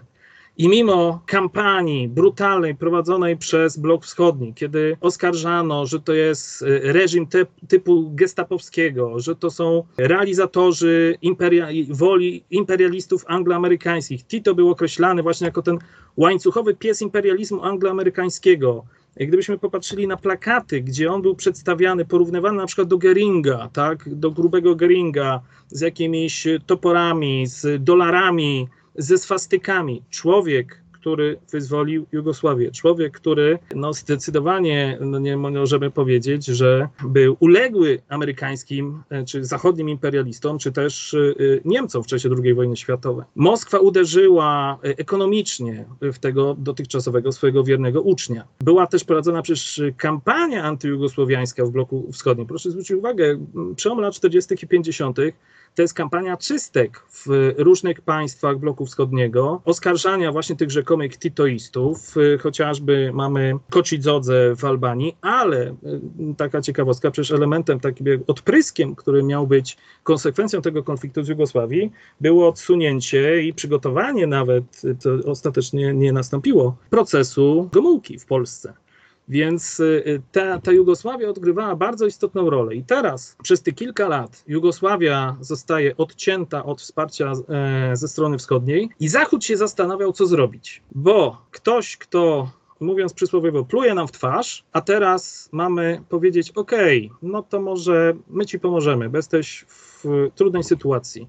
I przez długi czas oni się zastanawiali, czy to nie jest prowokacja, czy to nie jest jakaś może piąta kolumna która ma zaszkodzić y, stronie, stronie y, zachodniej. Natomiast właśnie jugosłowiańscy komuniści bardzo skutecznie rozprawili się z tymi zwolennikami Stalina. Y, tutaj symbolem stała się chociażby wyspa Goliotok, porównywana, no, określana jako taki jugosłowiański Alcatraz, gdzie ci zwolennicy Stalina faktycznie czas, czasami rzekomi tam się znajdowali w bardzo trudnych warunkach, pracowali. Myślę, że właśnie bardzo dobrze ducha wtedy tych czasów oddają takie mm, taka pieśń, która w czasie II wojny światowej była śpiewana w Jugosławii, gdzie tam y, oni wykrzykiwali oj Stalinie czołem, cześć, rację masz i wszystko wiesz, a po wydarzeniach 1948 roku zmieniono tekst tej piosenki na oj Stalinie babo stara od naszego Tity Wara. I w tym momencie Tito staje się zdecydowanie przywódcą Jugosławii i Zachód decyduje się pomóc. Pamiętajmy, że za chwilę mamy 1950 rok, wojnę w Korei, gdzie Zachód zdał sobie sprawę, że komuniści mogą grać bardzo ostro i ta zimna wojna no, momentami mogła przerodzić się w wojnę gorącą. Jugosławia przez kilka lat będzie wspierana przez Zachód. Najpierw gospodarczo, będą dostawy, będą kredyty. Najpierw to było potajemnie, potem już właściwie legalnie zdecydowano się na coś, co zostało w jednym z dokumentów amerykańskich określone terminem keeping Tite afloat, utrzymać Tite na powierzchni. Dla Zachodu właśnie istotnym elementem było to, że możemy teraz znaleźć wyłom w bloku wschodnim i wspierajmy tą Jugosławię, mimo tego, że jest socjalistyczna, ale wspierajmy ją, bo to może zaszkodzić Związkowi Radzieckiemu. I teraz Zachód był przekonany, że jeśli my będziemy pomagać tym osobom, które, które określano teraz jako tych zbuntowanych schizmatyków bloku wschodnim, z którego zostali wyrzuceni, Zachód liczył, że to państwo przejdzie na stronę zachodnią i na przykład wejdzie do NATO, bo proszę zwrócić uwagę, że mieliśmy Grecję, Turcję, które, które przecież znajdą się w NATO chociażby. Natomiast Tito grał na czas, stał się na tyle mocny, że był y, w stanie utrzymać tą swoją niezależną pozycję i, co istotne, pamiętajmy, 1953 rok, umiera Stalin. Po śmierci Stalina Związek Radziecki za sprawą Chruszczowa będzie dążył do normalizacji bardzo tych y, y, trudnych relacji w okresie wcześniejszym. Chruszczow nie przekonał na tyle skutecznie Tite, który znalazł pomysł na coś nowego.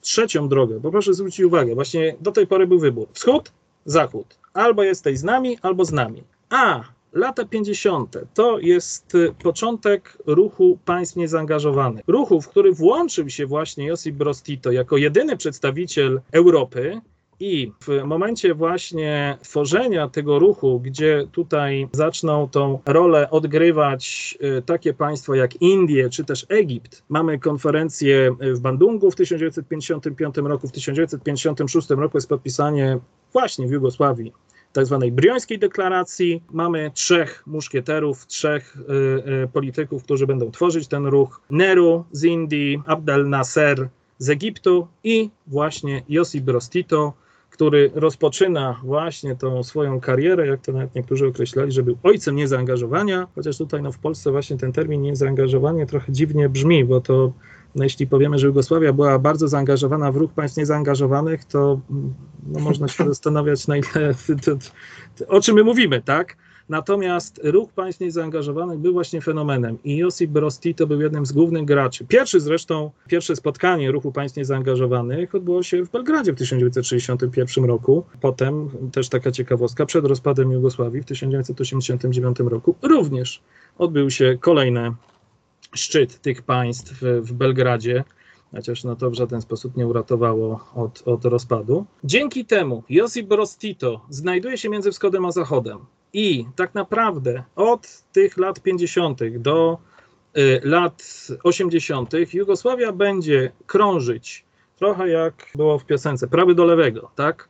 Możemy powiedzieć, że krążymy z jednej, drugiej strony. W momencie, kiedy coś bardziej potrzebujemy, na przykład ze wschodem, mieć relacje, Josip Broz Tito leci i spotyka się na przykład z Breżniewem, tak? Coś musimy z Zachodem, Proszę bardzo, lecimy, spotykamy się z Kennedym, spotykamy się z Nixonem.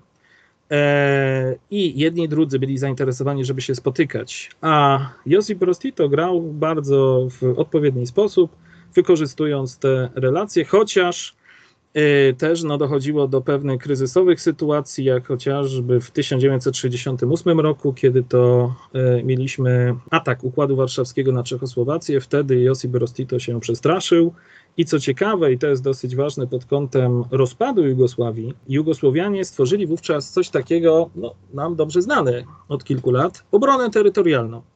Obronę terytorialną, która miała być takim wsparciem dla regularnej armii jugosłowiańskiej w wypadku ewentualnej agresji, czytaj Układu Warszawskiego.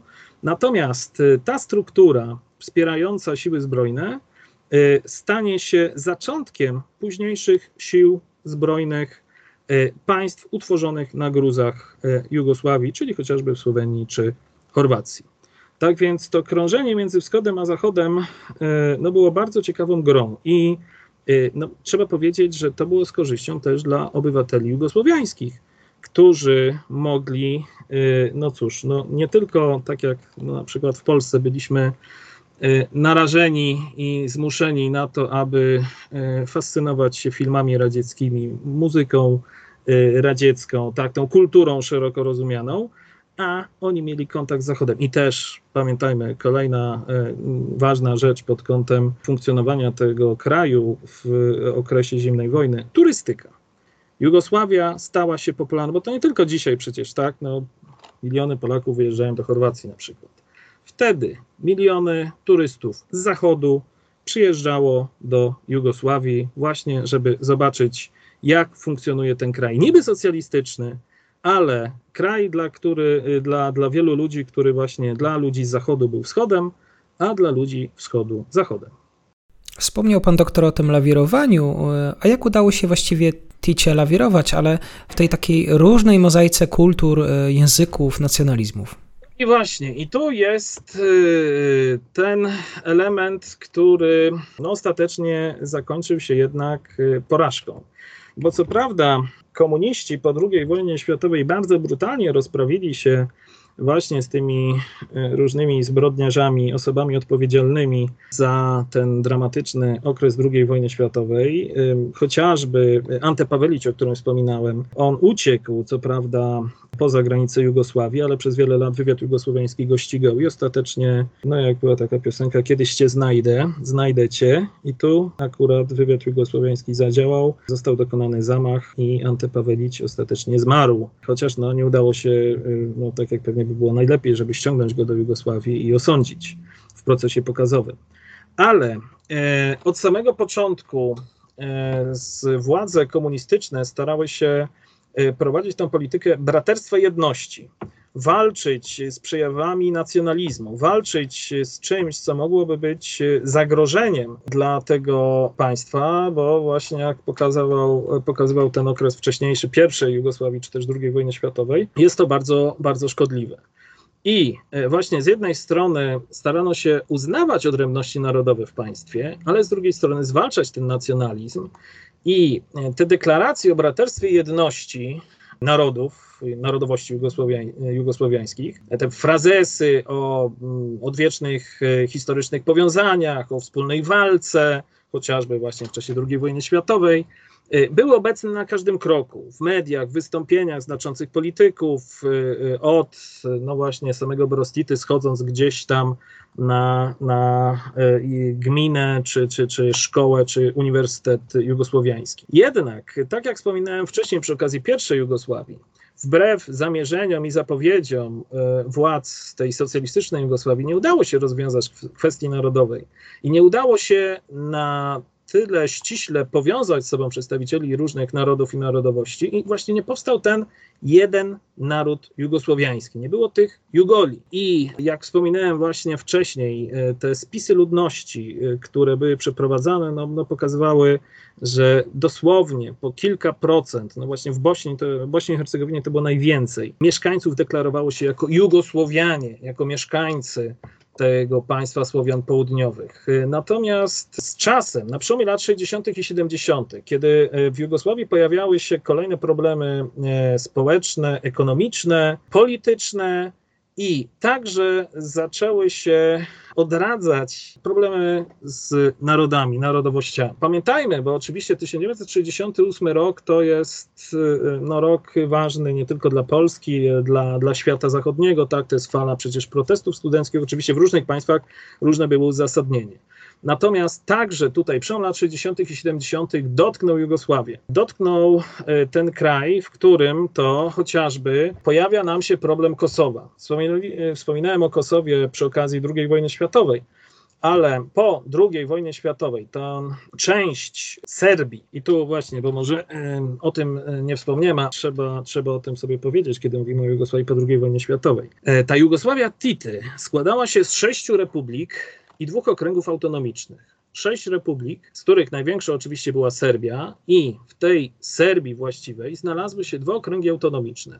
Mianowicie Kosowo, której e, większość stanowili Albańczycy, a także Wojwodina, zamieszkała przez większość węgierską przy granicy z Węgrami. I po II wojnie e, światowej no, widać było, e, no mówiąc delikatnie, wzajemną niechęć pomiędzy Serbami a Albańczykami zamieszkującymi e, Kosowo. Kosowo też, co ważne i trzeba podkreślić, tej komunistycznej Jugosławii było jednym z najbiedniejszych regionów tej federacji. Tutaj z czasem Albańczycy stawali się coraz bardziej liczebnie, czy też procentowo, stawali się coraz, coraz większą grupą, która stawała się coraz większym zagrożeniem dla Serbów. A pamiętajmy, Kosowo odgrywało bardzo ważną rolę w y, historii państwa serbskiego. Jeśli popatrzymy tutaj na ten okres średniowiecza, bo wspominałem o bitwie na Kosowym Polu. I Albańczycy w latach 60. zaczęli domagać się uznania ich za naród państwowy, domagali się większych praw, domagali się stwo- przekształcenia Kosowa w siódmą republikę. Czyli proszę zwrócić uwagę, mieliśmy ten 6 plus 2, oni chcieli, żeby było 7 plus 1. Domagali się na przykład stworzenia wyższej uczelni. I te wystąpienia w 1968 roku, no właśnie przestraszyły trochę e, władze jugosłowiańskie i aby to załagodzić, przyznano im e, pewne e, prawa, stworzono na przykład ten uniwersytet w Prisztinie, y, potem jeden z większych uniwersytetów w Jugosławii. I co prawda dalej pozostawali jako y, ten, ten element okręg autonomiczny, ale de facto byli jak republika. Nie było to nazwane ale czy niektórzy określali, że to była półrepublika. E, więc tutaj nam się pojawia problem kosowski, który potem też nam eksploduje tuż po śmierci Josipa Broz Tito. Mamy Kosowo, mamy Chorwację, mamy przełom e, lat 60. i 70., to ruch reformatorsko-nacjonalistyczny w ramach chorwackiej partii komunistycznej, a także wśród chorwackich intelektualistów. Ruch, który był nazywany e, MASPOK, którego kulminacją były wydarzenia w 1971 roku i tak zwana chorwacka wiosna. Co ciekawe, tutaj pojawia nam się postać chociażby generała e, Franio Tudźmana, który stanie się jednym z ważniejszych polityków chorwackich w momencie rozpadu Jugosławii, który będzie jej pierwszym prezydentem wybranym w 1990 roku. I Tito bardzo szybko spacyfikował ten, ten ruch w Chorwacji, rozprawił się z tą niebezpieczną falą separatyzmu, i zdławienie tego chorwackiego ruchu spowodowało, że potem do 1989 roku ten okres był nazywany czasami chorwackim milczeniem, czy też wielkim chorwackim milczeniem, kiedy to no, Chorwaci na pewien czas właśnie zostali spacyfikowani. A jeszcze mamy to największe, tą największą republikę, Serbię.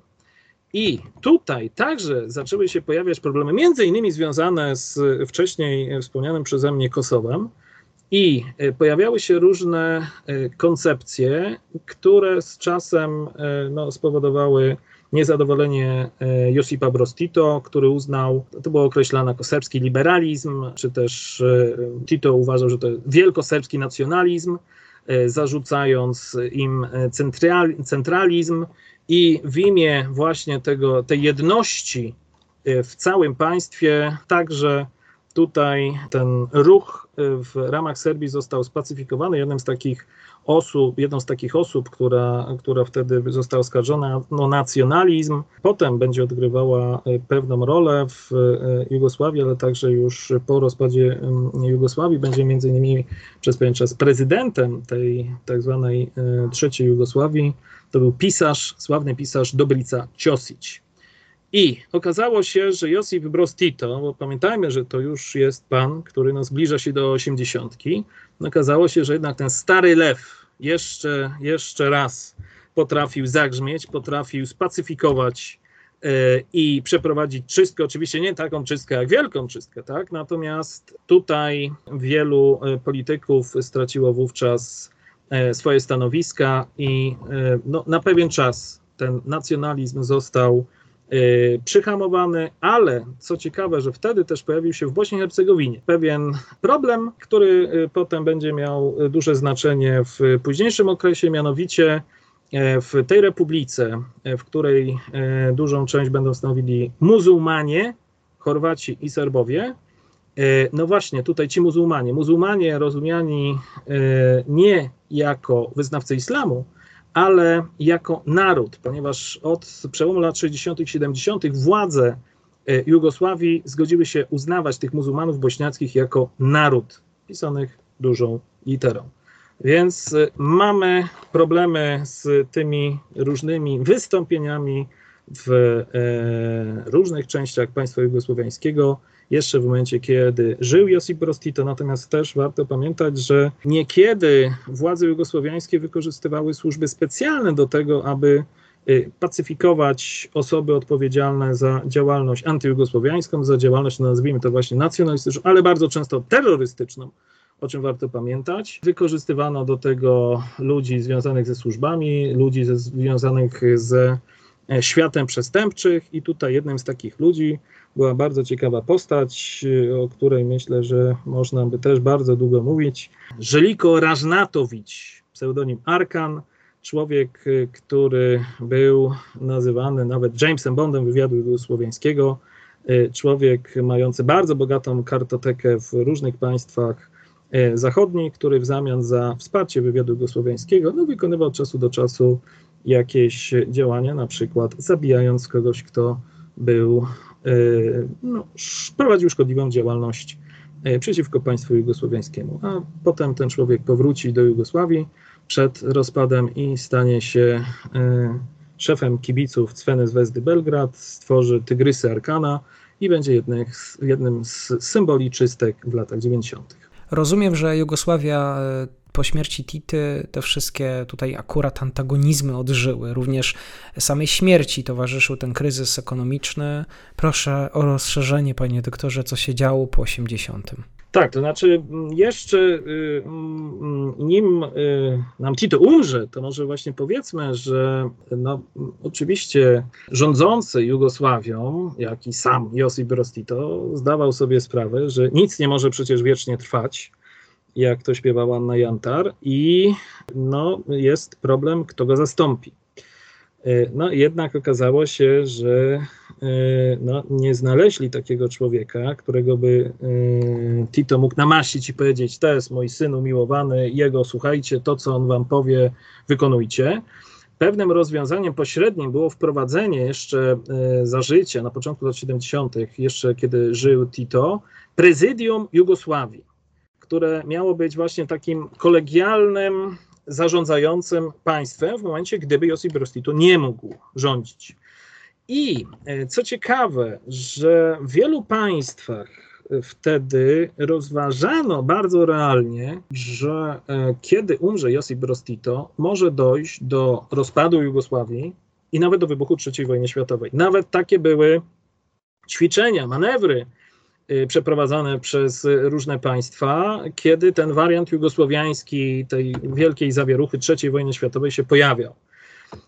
I teraz mamy w 1974 roku ostatnią, czwartą, bo akurat oni coś dużo tworzyli tych konstytucji. W 1974 roku została wprowadzona ostatnia konstytucja, mająca być podsumowaniem tych socjalistycznych przeobrażeń i w pewien sposób y, y, umacniająca Y, funkcjonowanie władz regionalnych, w sensie republik, tych części składowych.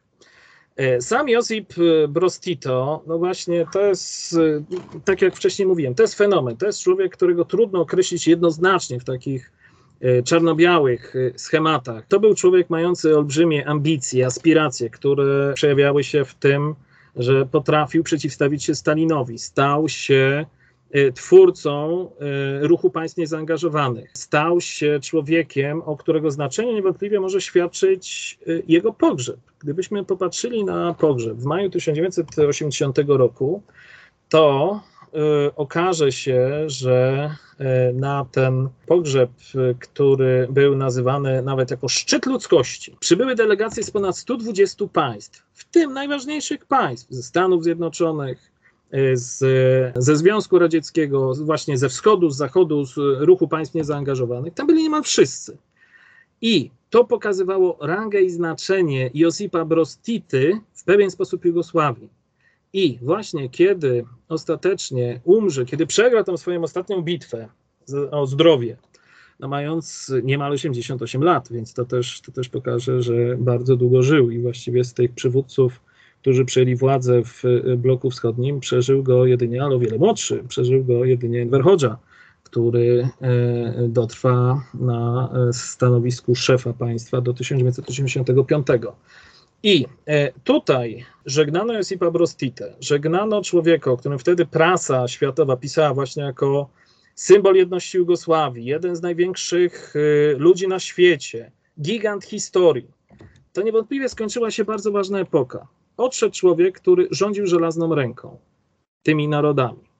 I bardzo często e, opisuje się Jugosławię po II wojnie światowej, że ten kraj trzymały trzy rzeczy: Tito, partia i armia. W 1980 roku ten pierwszy element, bardzo ważny, charyzmatyczny przywódca, mający oczywiście też swoje za uszami potrafiący y, no, być bezwzględny i nie przebierać w środkach, jednak y, no, ten, ten człowiek decydował przez lata o sile i znaczeniu na świecie Jugosławii. I tak jak Pan wspomniał, wtedy właśnie ten czas, to rozpoczynający, czy trwający właściwie, bo to jeszcze pod koniec lat 70. się rozpoczęło, mamy kryzys gospodarczy, mamy nie najlepszą sytuację ekonomiczną, ale także po raz kolejny pojawi się problem Kosowa, o którym e, wcześniej powiedziałem.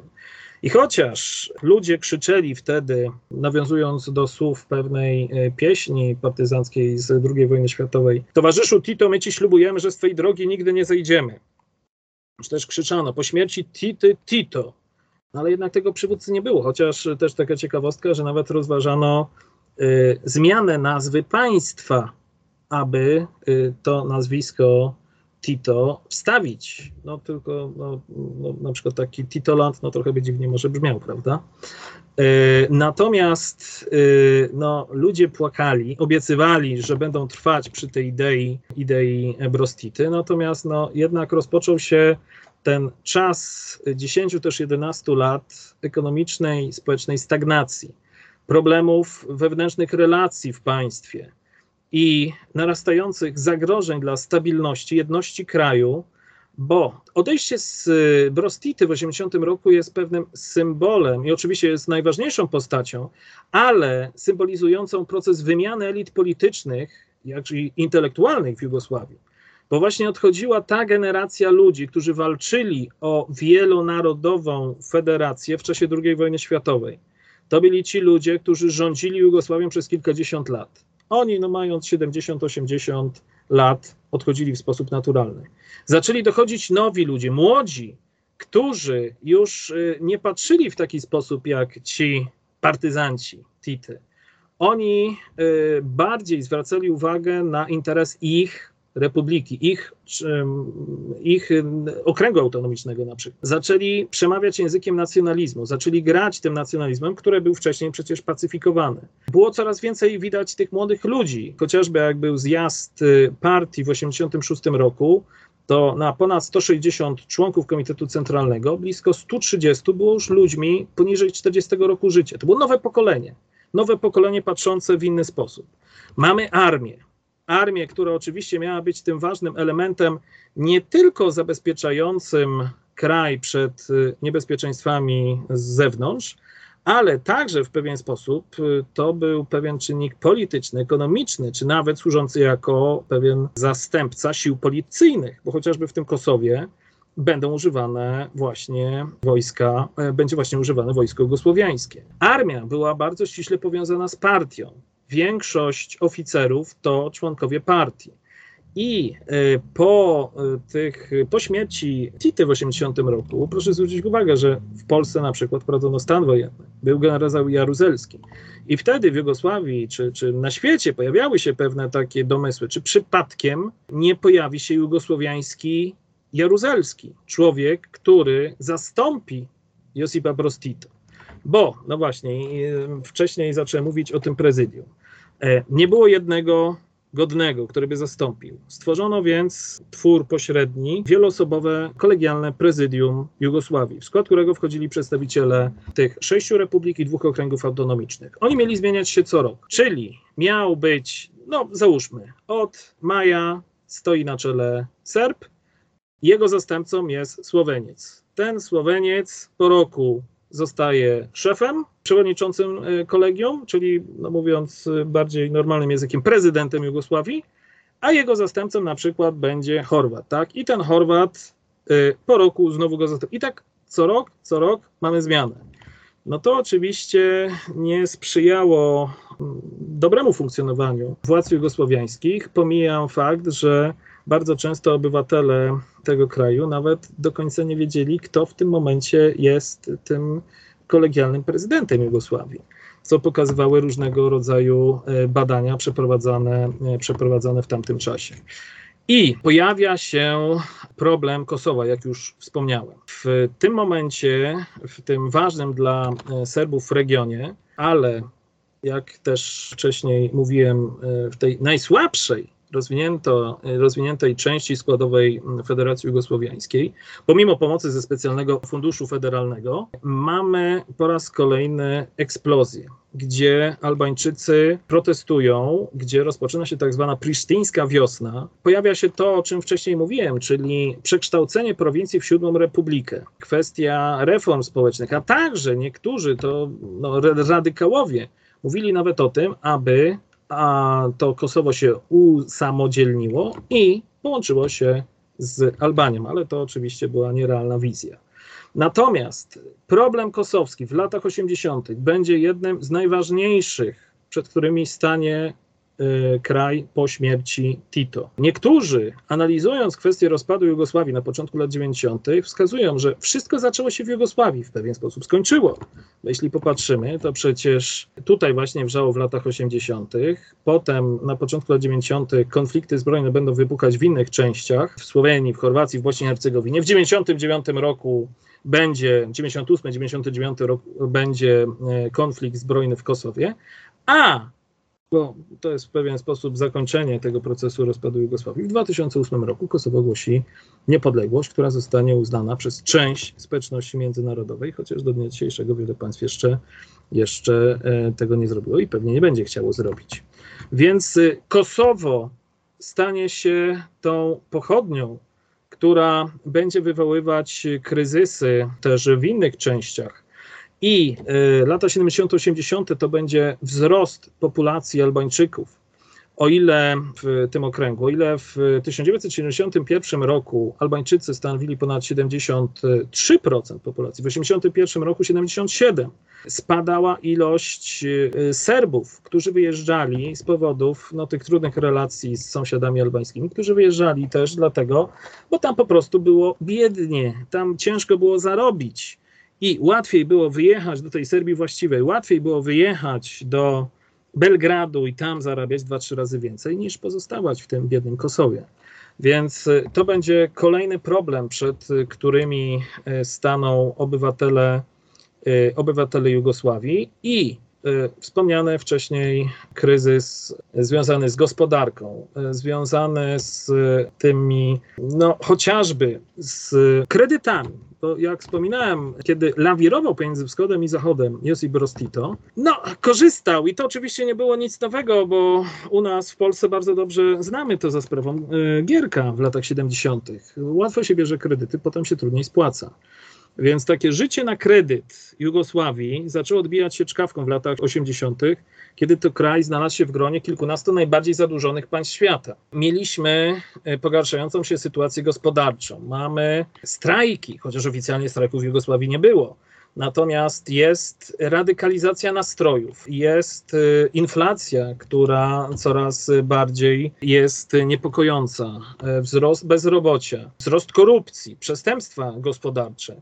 To wszystko powoduje, że lata 80. stanowią bardzo niebezpieczną mieszankę nastrojów y, w państwie wielonarodowym, w którym właśnie od 1980 roku zabrakło jednego z najważniejszych ludzi będących zwornikiem tej federacji przez wiele lat. A jak w ogóle wyglądał sam proces rozpadu Jugosławii? Czy część polityków właściwie brała pod uwagę, że no, bo jeszcze w 1989 roku minister e, spraw zagranicznych mówił, że nie ma na świecie sił, które właściwie byłyby tym zainteresowane. Tymczasem wszystko wskazywało na to, że akurat państwo będzie osłabione i akurat nie ma innej drogi, jak tylko ten rozpad. No właśnie, to był proces złożony. To e, proces, bo bardzo często, no właśnie to jest, to jest kłopot, kiedy potem na podręcznikowo jest najlepiej powiedzieć, że no co się zaczęło tego dnia, a tego dnia się skończyło. To jest proces rozłożony w czasie. I to miało wpływ bardzo wiele czynników. Poza tym, o czym wspomniałem, czyli Kosowo, problemy gospodarcze, tak, ta pogarszająca się sytuacja ludzi mieszkających, gdzie no, dla tych ludzi to był szok. Oni właśnie przez wiele lat no, żyli na pewnym poziomie, nagle zaczynają się problemy, nagle tracą pracę, y, nagle inflacja im zjada, zjada oszczędności. I Kosowo, w którym właśnie wrzało, Serbowie dążyli do tego, aby to, ten okręg autonomiczny, który de facto, tak jak mówiłem, było półrepubliką w ramach Jugosławii, było praktycznie niezależne od władz w Belgradzie w ramach Serbii, pojawili się politycy dążący do tego, którzy, e, aby przywrócić Kosowo Serbii, aby Albańczycy już nie mieli takiej autonomii. Jednym z takich polityków był Slobodan Milošević serbski działacz, który e, no, miał też bardzo ciekawą e, historię. Urodził się w 1941 roku e, i był człowiekiem, który po II wojnie światowej, no co prawda był związany z partią komunistyczną, ale potem właściwie stał się takim gospodarczym, no możemy powiedzieć dzisiejszym językiem, świetnie zarządzającym menadżerem który funkcjonował jako szef największych przedsiębiorstw jugosłowiańskich, Banku Jugosłowiańskiego, który był przez niektórych nawet w latach 80. porównywany z Gorbaczowem. Mówiło się, że to ma być taki bałkański Gorbaczow który znając języki, który mając świetne kontakty z przedstawicielami Zachodu, z amerykańskimi, zachodnimi dyplomatami, dziennikarzami, no może poprowadzić tą Jugosławię w stronę takich właśnie przeobrażeń, jak e, to się działo w Związku Radzieckim od 1985 roku, kiedy gensekiem został Michał Gorbaczow. Natomiast okazało się, że jednak Slobodan Miloszewicz zaczął wykorzystywać Y, ten nacjonalizm. Zaczął tworzyć wokół siebie grupy, grupę wiernych mu ludzi. Jego sławne słowa Serbowie, nikt nie ma prawa was bić, wypowiedziane w Kosowie i e, dążenie do ograniczenia autonomii Kosowa, które faktycznie zostało osiągnięte w 1989 roku. Te niepokoje w Kosowie, tak jak mówiłem wcześniej, że to była taka pochodnia, czy e, Iwan Stambolić taki e, no, bliski współpracownik Slobodana Miloszewicza, który był z nim bardzo dobrze zaprzyjaźniony, bo to był taki starszy kolega, który go ciągnął w karierze zawodowej, w karierze politycznej, ale w latach 80. no właśnie został e, przez Slobodana Miloszewicza odstawiony na, na tor boczny. E, co ciekawe, w 2000 roku, kiedy zbliżały się wybory w e, tej trzeciej Jugosławii, Iwan Stambolić, no de facto jako taki polityczny emeryt, miał wystartować jako kontrkandydat przeciwko Slobodanowi Miloszewiciowi. E, no on nagle zniknął, okazało się, że został zamordowany na polecenie Miloszewicza e, tym 2000 roku, no i oczywiście nie mógł wystartować w wyborach. Ale Iwan Stambolić powiedział, że Kosowo zostało podpalone przez Slobodana Miloszewicza. Miloszewicz grał tą kartą, stając się jednym z najważniejszych polityków serbskich i on był właśnie przez niektórych nazywany jako nowy Tito, tylko nie jugosłowiański Tito, ale serbski Tito. Te niepokoje w Kosowie, to dążenie niektórych polityków y, do coraz większej władzy, do centralizacji de facto, niepokoiło przedstawicieli innych republik. I tutaj pojawiają nam się dwie najważniejsze y, poza Serbią republiki: Słowenia i w dalszej kolejności Chorwacja. Słowenii pojawili się we władzach ludzie, którzy coraz bardziej e, prowadzili liberalną politykę. Jednym z takich e, e, Jedną z takich osób był Milan Kuczan, człowiek, który będzie przywódcą Partii Komunistycznej Słowiańskiej, a w 1990 roku zostanie wybrany prezydentem i co ciekawe, on wprowadzi potem Słowenię chociażby do Unii Europejskiej i będzie jednym z nielicznych przywódców, który tak długo będzie funkcjonował i nie będzie oskarżony o zbrodnie wojenne. E, w Słowenii więc narastało niezadowolenie z e, ogólnej sytuacji w państwie, jak również relacji pomiędzy poszczególnymi narodami i częściami składowymi. W 1988 roku w takim periodyku Młodzieżówki Komunistycznej Słowenii w Mladinie został opublikowany artykuł pod tytułem Noc długich noży. I nawiązując do rozprawy Adolfa Hitlera z 1934 roku, sugerowano, że armia ma dokonać zamachu stanu w Słowenii. E, wtedy rozpoczęła się wielka awantura. E, ci dziennikarze, którzy napisali ten artykuł, zostali aresztowani. Pra, trwał proces tak zwanej lublańskiej czwórki. E, wyrok i ten, ten, ten cały proces powodował masowe protesty w całej Republice. I to nazywamy słoweńską wiosną. Wtedy obudzili się wielu obywateli Słowenii, Słowenii obudziło się do tego, aby pokazać niezadowolenie wobec y, państwa. Krzyczano na przykład y, precz z armią, czyli tym kolejnym elementem bardzo ważnym dla funkcjonowania państwa jugosłowiańskiego. Więc y, z jednej strony mamy Kosowo, w którym wrze. Kosowo, które wpływa na sytuację w Serbii. Tutaj, poza tym Slobodanem Miloszewiciem, o którym wspomniałem, jednym z elementów takiego serbskiego nacjonalizmu było chociażby e, stworzone w 1986 roku Memorandum Serbskiej Akademii Nauk i Sztuk, SANU, w którym e, dokonano analizy sytuacji w ówczesnej Jugosławii i no właśnie uważano, że no, nam, Serbom, zagrażają, musimy się bronić, musimy działać, I jednym z takich y, polityków, którzy mieli to realizować, był wspomniany Slobodan Miloszewicz. I Slobodan Miloszewicz dążył do tego, aby przejąć władzę I e, w tym celu wykorzystano coś, co nazwano między innymi antybiurokratyczną rewolucją, czy nawet to było nazwane jogurtową rewolucją. Mianowicie starał się Miloszewicz pod tym hasłem bardzo nośnym, tak, bo dzisiaj też w każdym państwie tak naprawdę możemy powiedzieć, no chcemy walczyć z biurokracją. I pod hasłem walki z biurokracją było wyrzucanie dotychczasowych polityków i zastępowanie ich swoimi w Kosowie, Wojwodynie i Czarnogórze. Czyli gdybyśmy to zliczyli, Serbia, Kosowo, Wojwodyna i Czarnogóra to są cztery głosy w prezydium, w tym y, zarządzającym Jugosławią federalnym. Slobodan Miloszewicz walczy właśnie y, o to, to ograniczenie autonomii Kosowa, co y, mu się udało w 1989. Wtedy mamy kolejny raz zamieszki, mamy starcia, mamy wprowadzonych żołnierzy, milicjantów, mamy zabitych, mamy rannych. Rozpoczyna się proces dealbanizacji, mamy tworzone niezależne struktury od tych oficjalnych zarządzanych z Belgradu. Mamy de facto paralelne państwo a symbolem tego oporu Albańczyków w Kosowie stanie się Ibrahim Rugowa, porównywany nawet, no, określany jako taki bałkański Mandela, starający się w pokojowy sposób walczyć.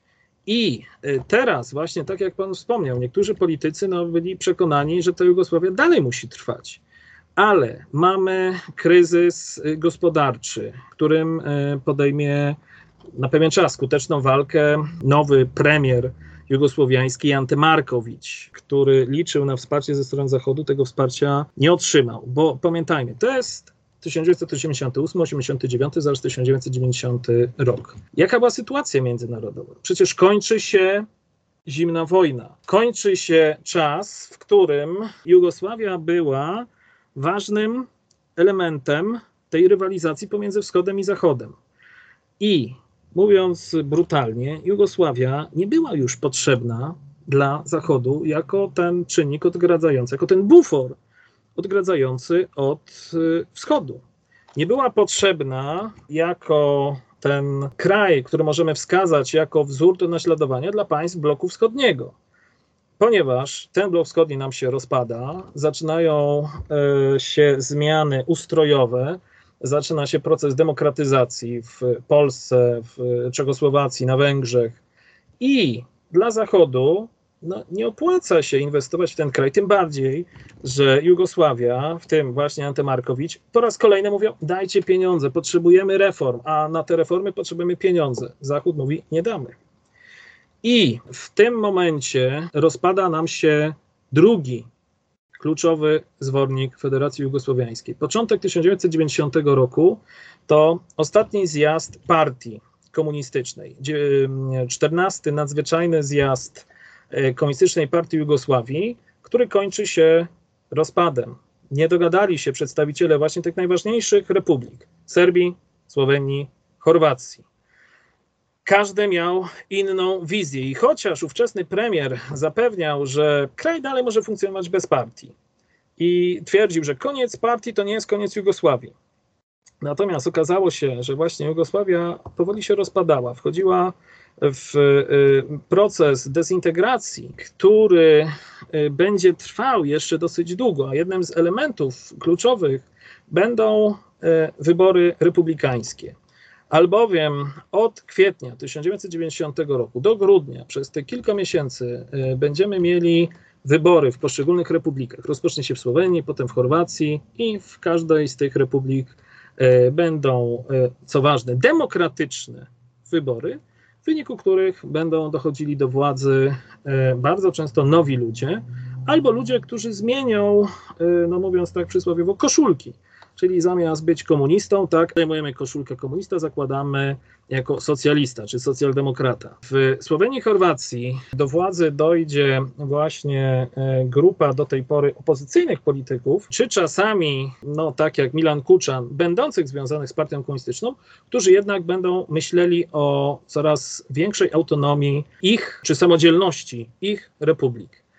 I w ciągu tych kilku miesięcy mamy więc przeobrażenie w państwie, gdzie y, zabrakło tak naprawdę realnej siły, która dążyłaby do utrzymania wielonarodowej federacji. Premier Markowicz, o którym wspominałem, on stworzył swoją partię, niestety ona no, nie cieszyła się zbyt dużą popularnością w poszczególnych częściach składowych. Słowenia i Chorwacja rozpoczęły działania zmierzające do tego, aby się usamodzielnić.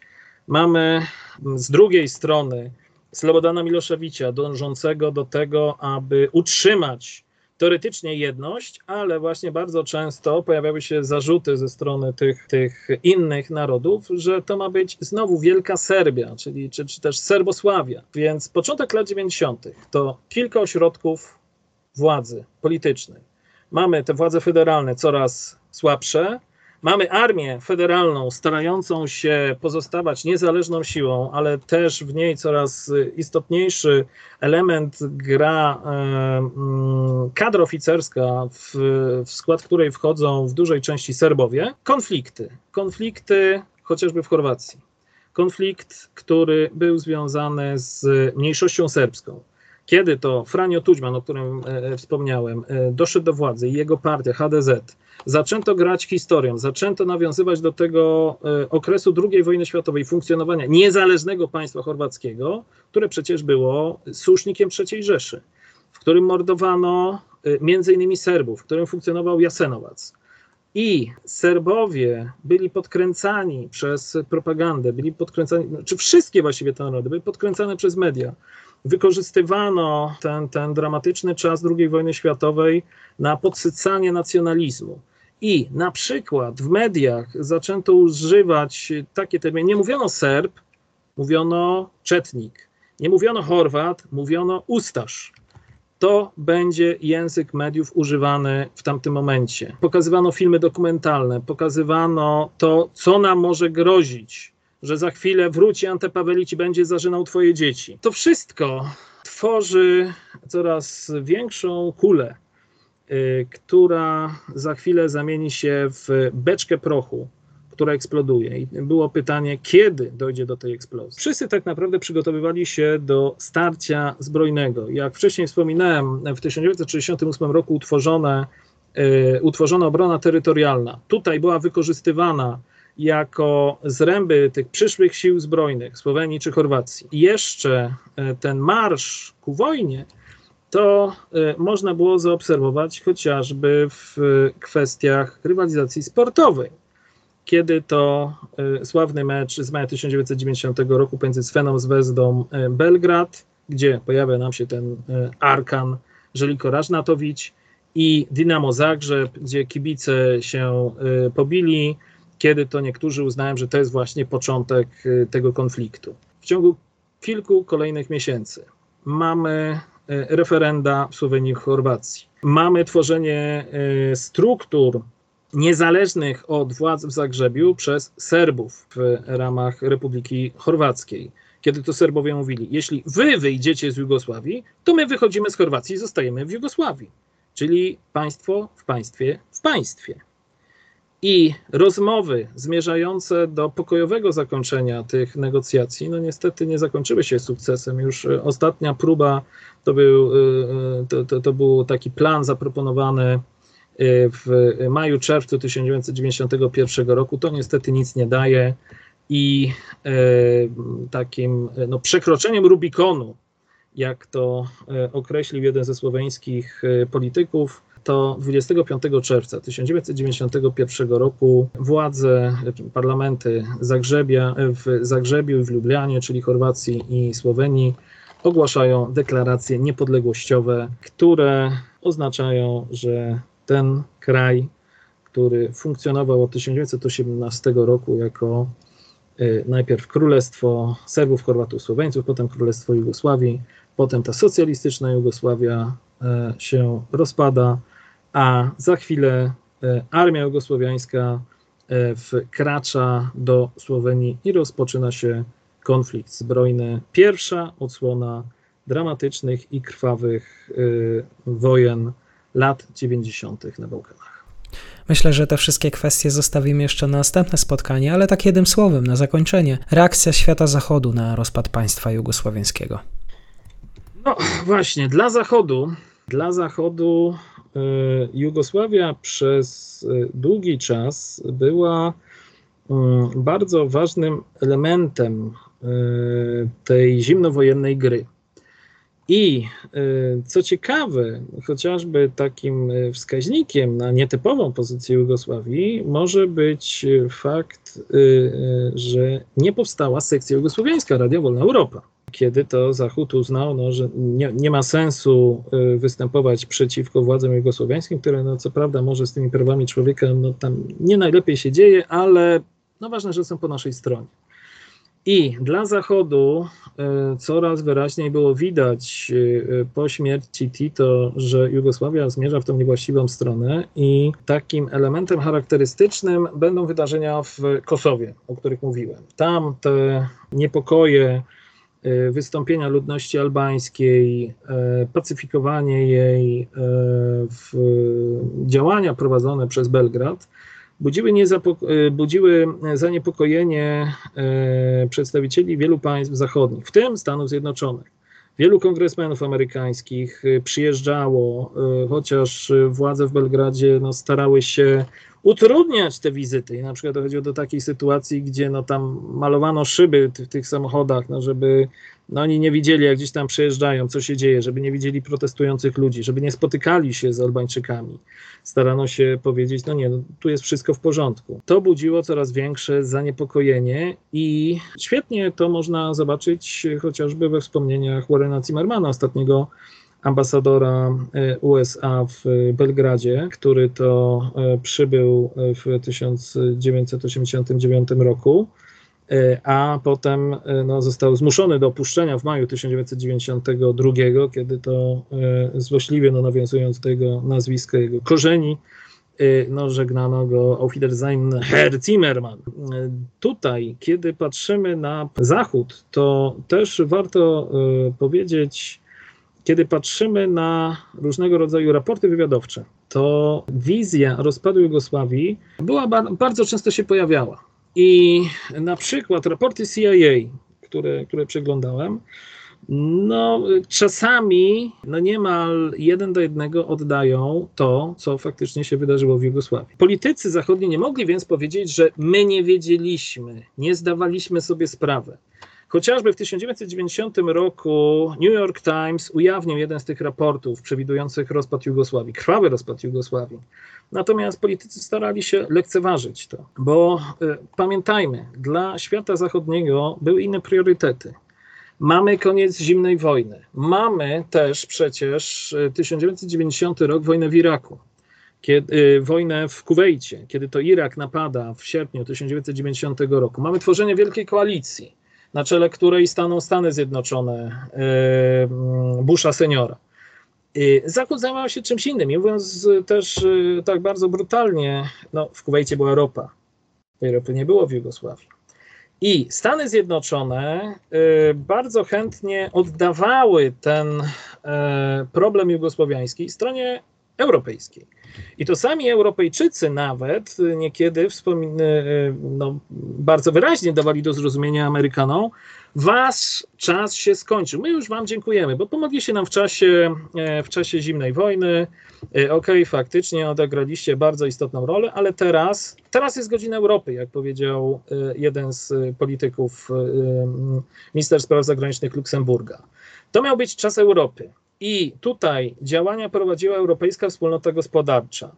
Natomiast te wszystkie działania jednak były e, no, dosyć e, nieumiejętnie prowadzone, bo brakowało e, takiej realnej wizji, co właściwie, do czego chcemy przekonać stronę jugosłowiańską.